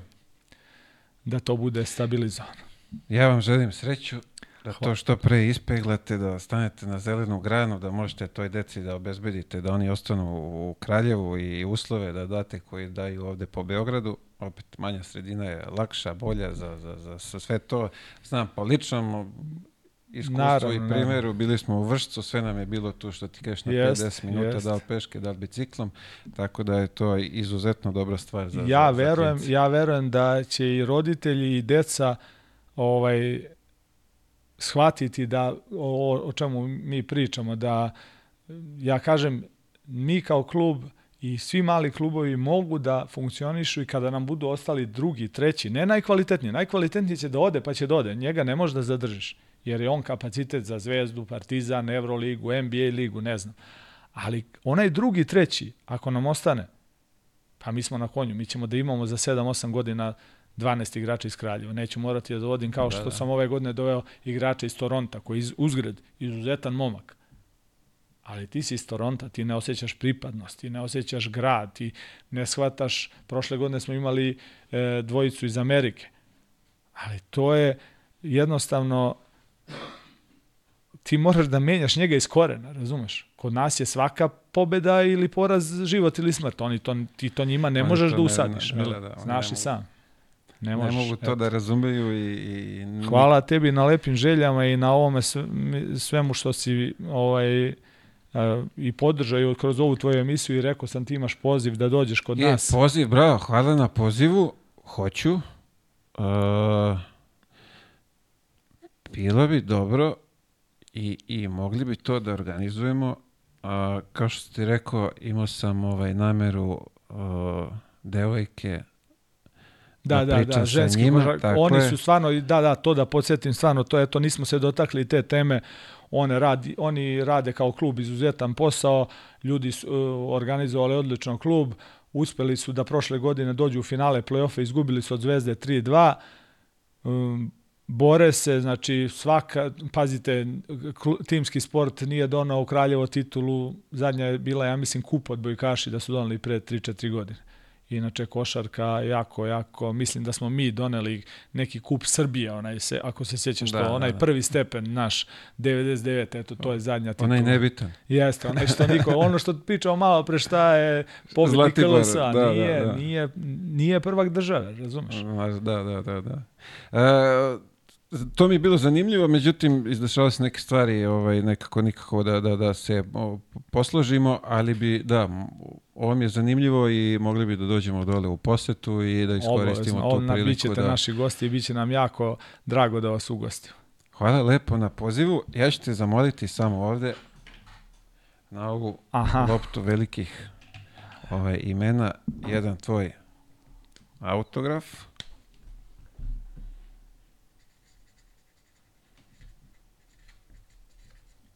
Ne znam, znaš, skupljamo potpise u nekom određenom momentu, već smo je ovaj dobro ovaj, uh, uh, ispotpisivali. Želimo da je damo na aukciju od tih sredstava E da, to te budemo- nisam pohvalio, rekao si mi, pričali smo pre, pre ovaj, emisije, stvarno ovaj, velika stvar ovo što radite sa, sa ovim e, dobrotvornim akcijama za skupljanje novca za lečenje dece, stvarno velika stvar za vas, ovaj, ne za vas, velika stvar za, za tu decu i to je, ovaj, mogu samo veliki ljudi da rade. Nažalost, ovaj, nažalost što moramo, što, što smo uopšte u prilici da tako nešto mora da radimo, Nažalost. ali ako može i koliko možemo, ovaj, trudimo se da pomognemo. Uh, evo još jednom napomenuti, uh, davali smo ove dresove na, na aukciju sada posle svetskog prvenstva i od njih smo sakupili 5000 eura. Bravo.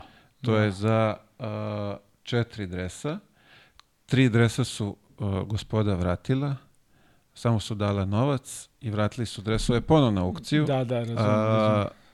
s- sad su ponovo na aukciji i mislim da će biti zatvorena večeras aukcija, tako da ćemo i tu da skupimo još nadam se nisam- Iskreno shvata, svaka čast i tim ljudima koji su vratili dresove. Tako je, veliki, veliki, veliki, ovaj, veliki da, gest. Veliki gest njihovi i kažem, evo, trudimo se da pomognemo i tu je i još jedan dečak koji je isto potrebna pomoć, gde se se roditelji od malog Vasilije ovaj, složili da, da, da dobijena sredstva od tih dresova podelimo po pola, da Da, pola malom a, Viktoru, a, a druga polovina da ide za, za Vasilija. Tako da trudimo se koliko možemo. Evo, bit će i ova lopta verovatno uskoro na, na aukciji, pa, pa ovaj, da, da koliko možemo, koliko ko ovaj, ima želje, volje i mogućnosti.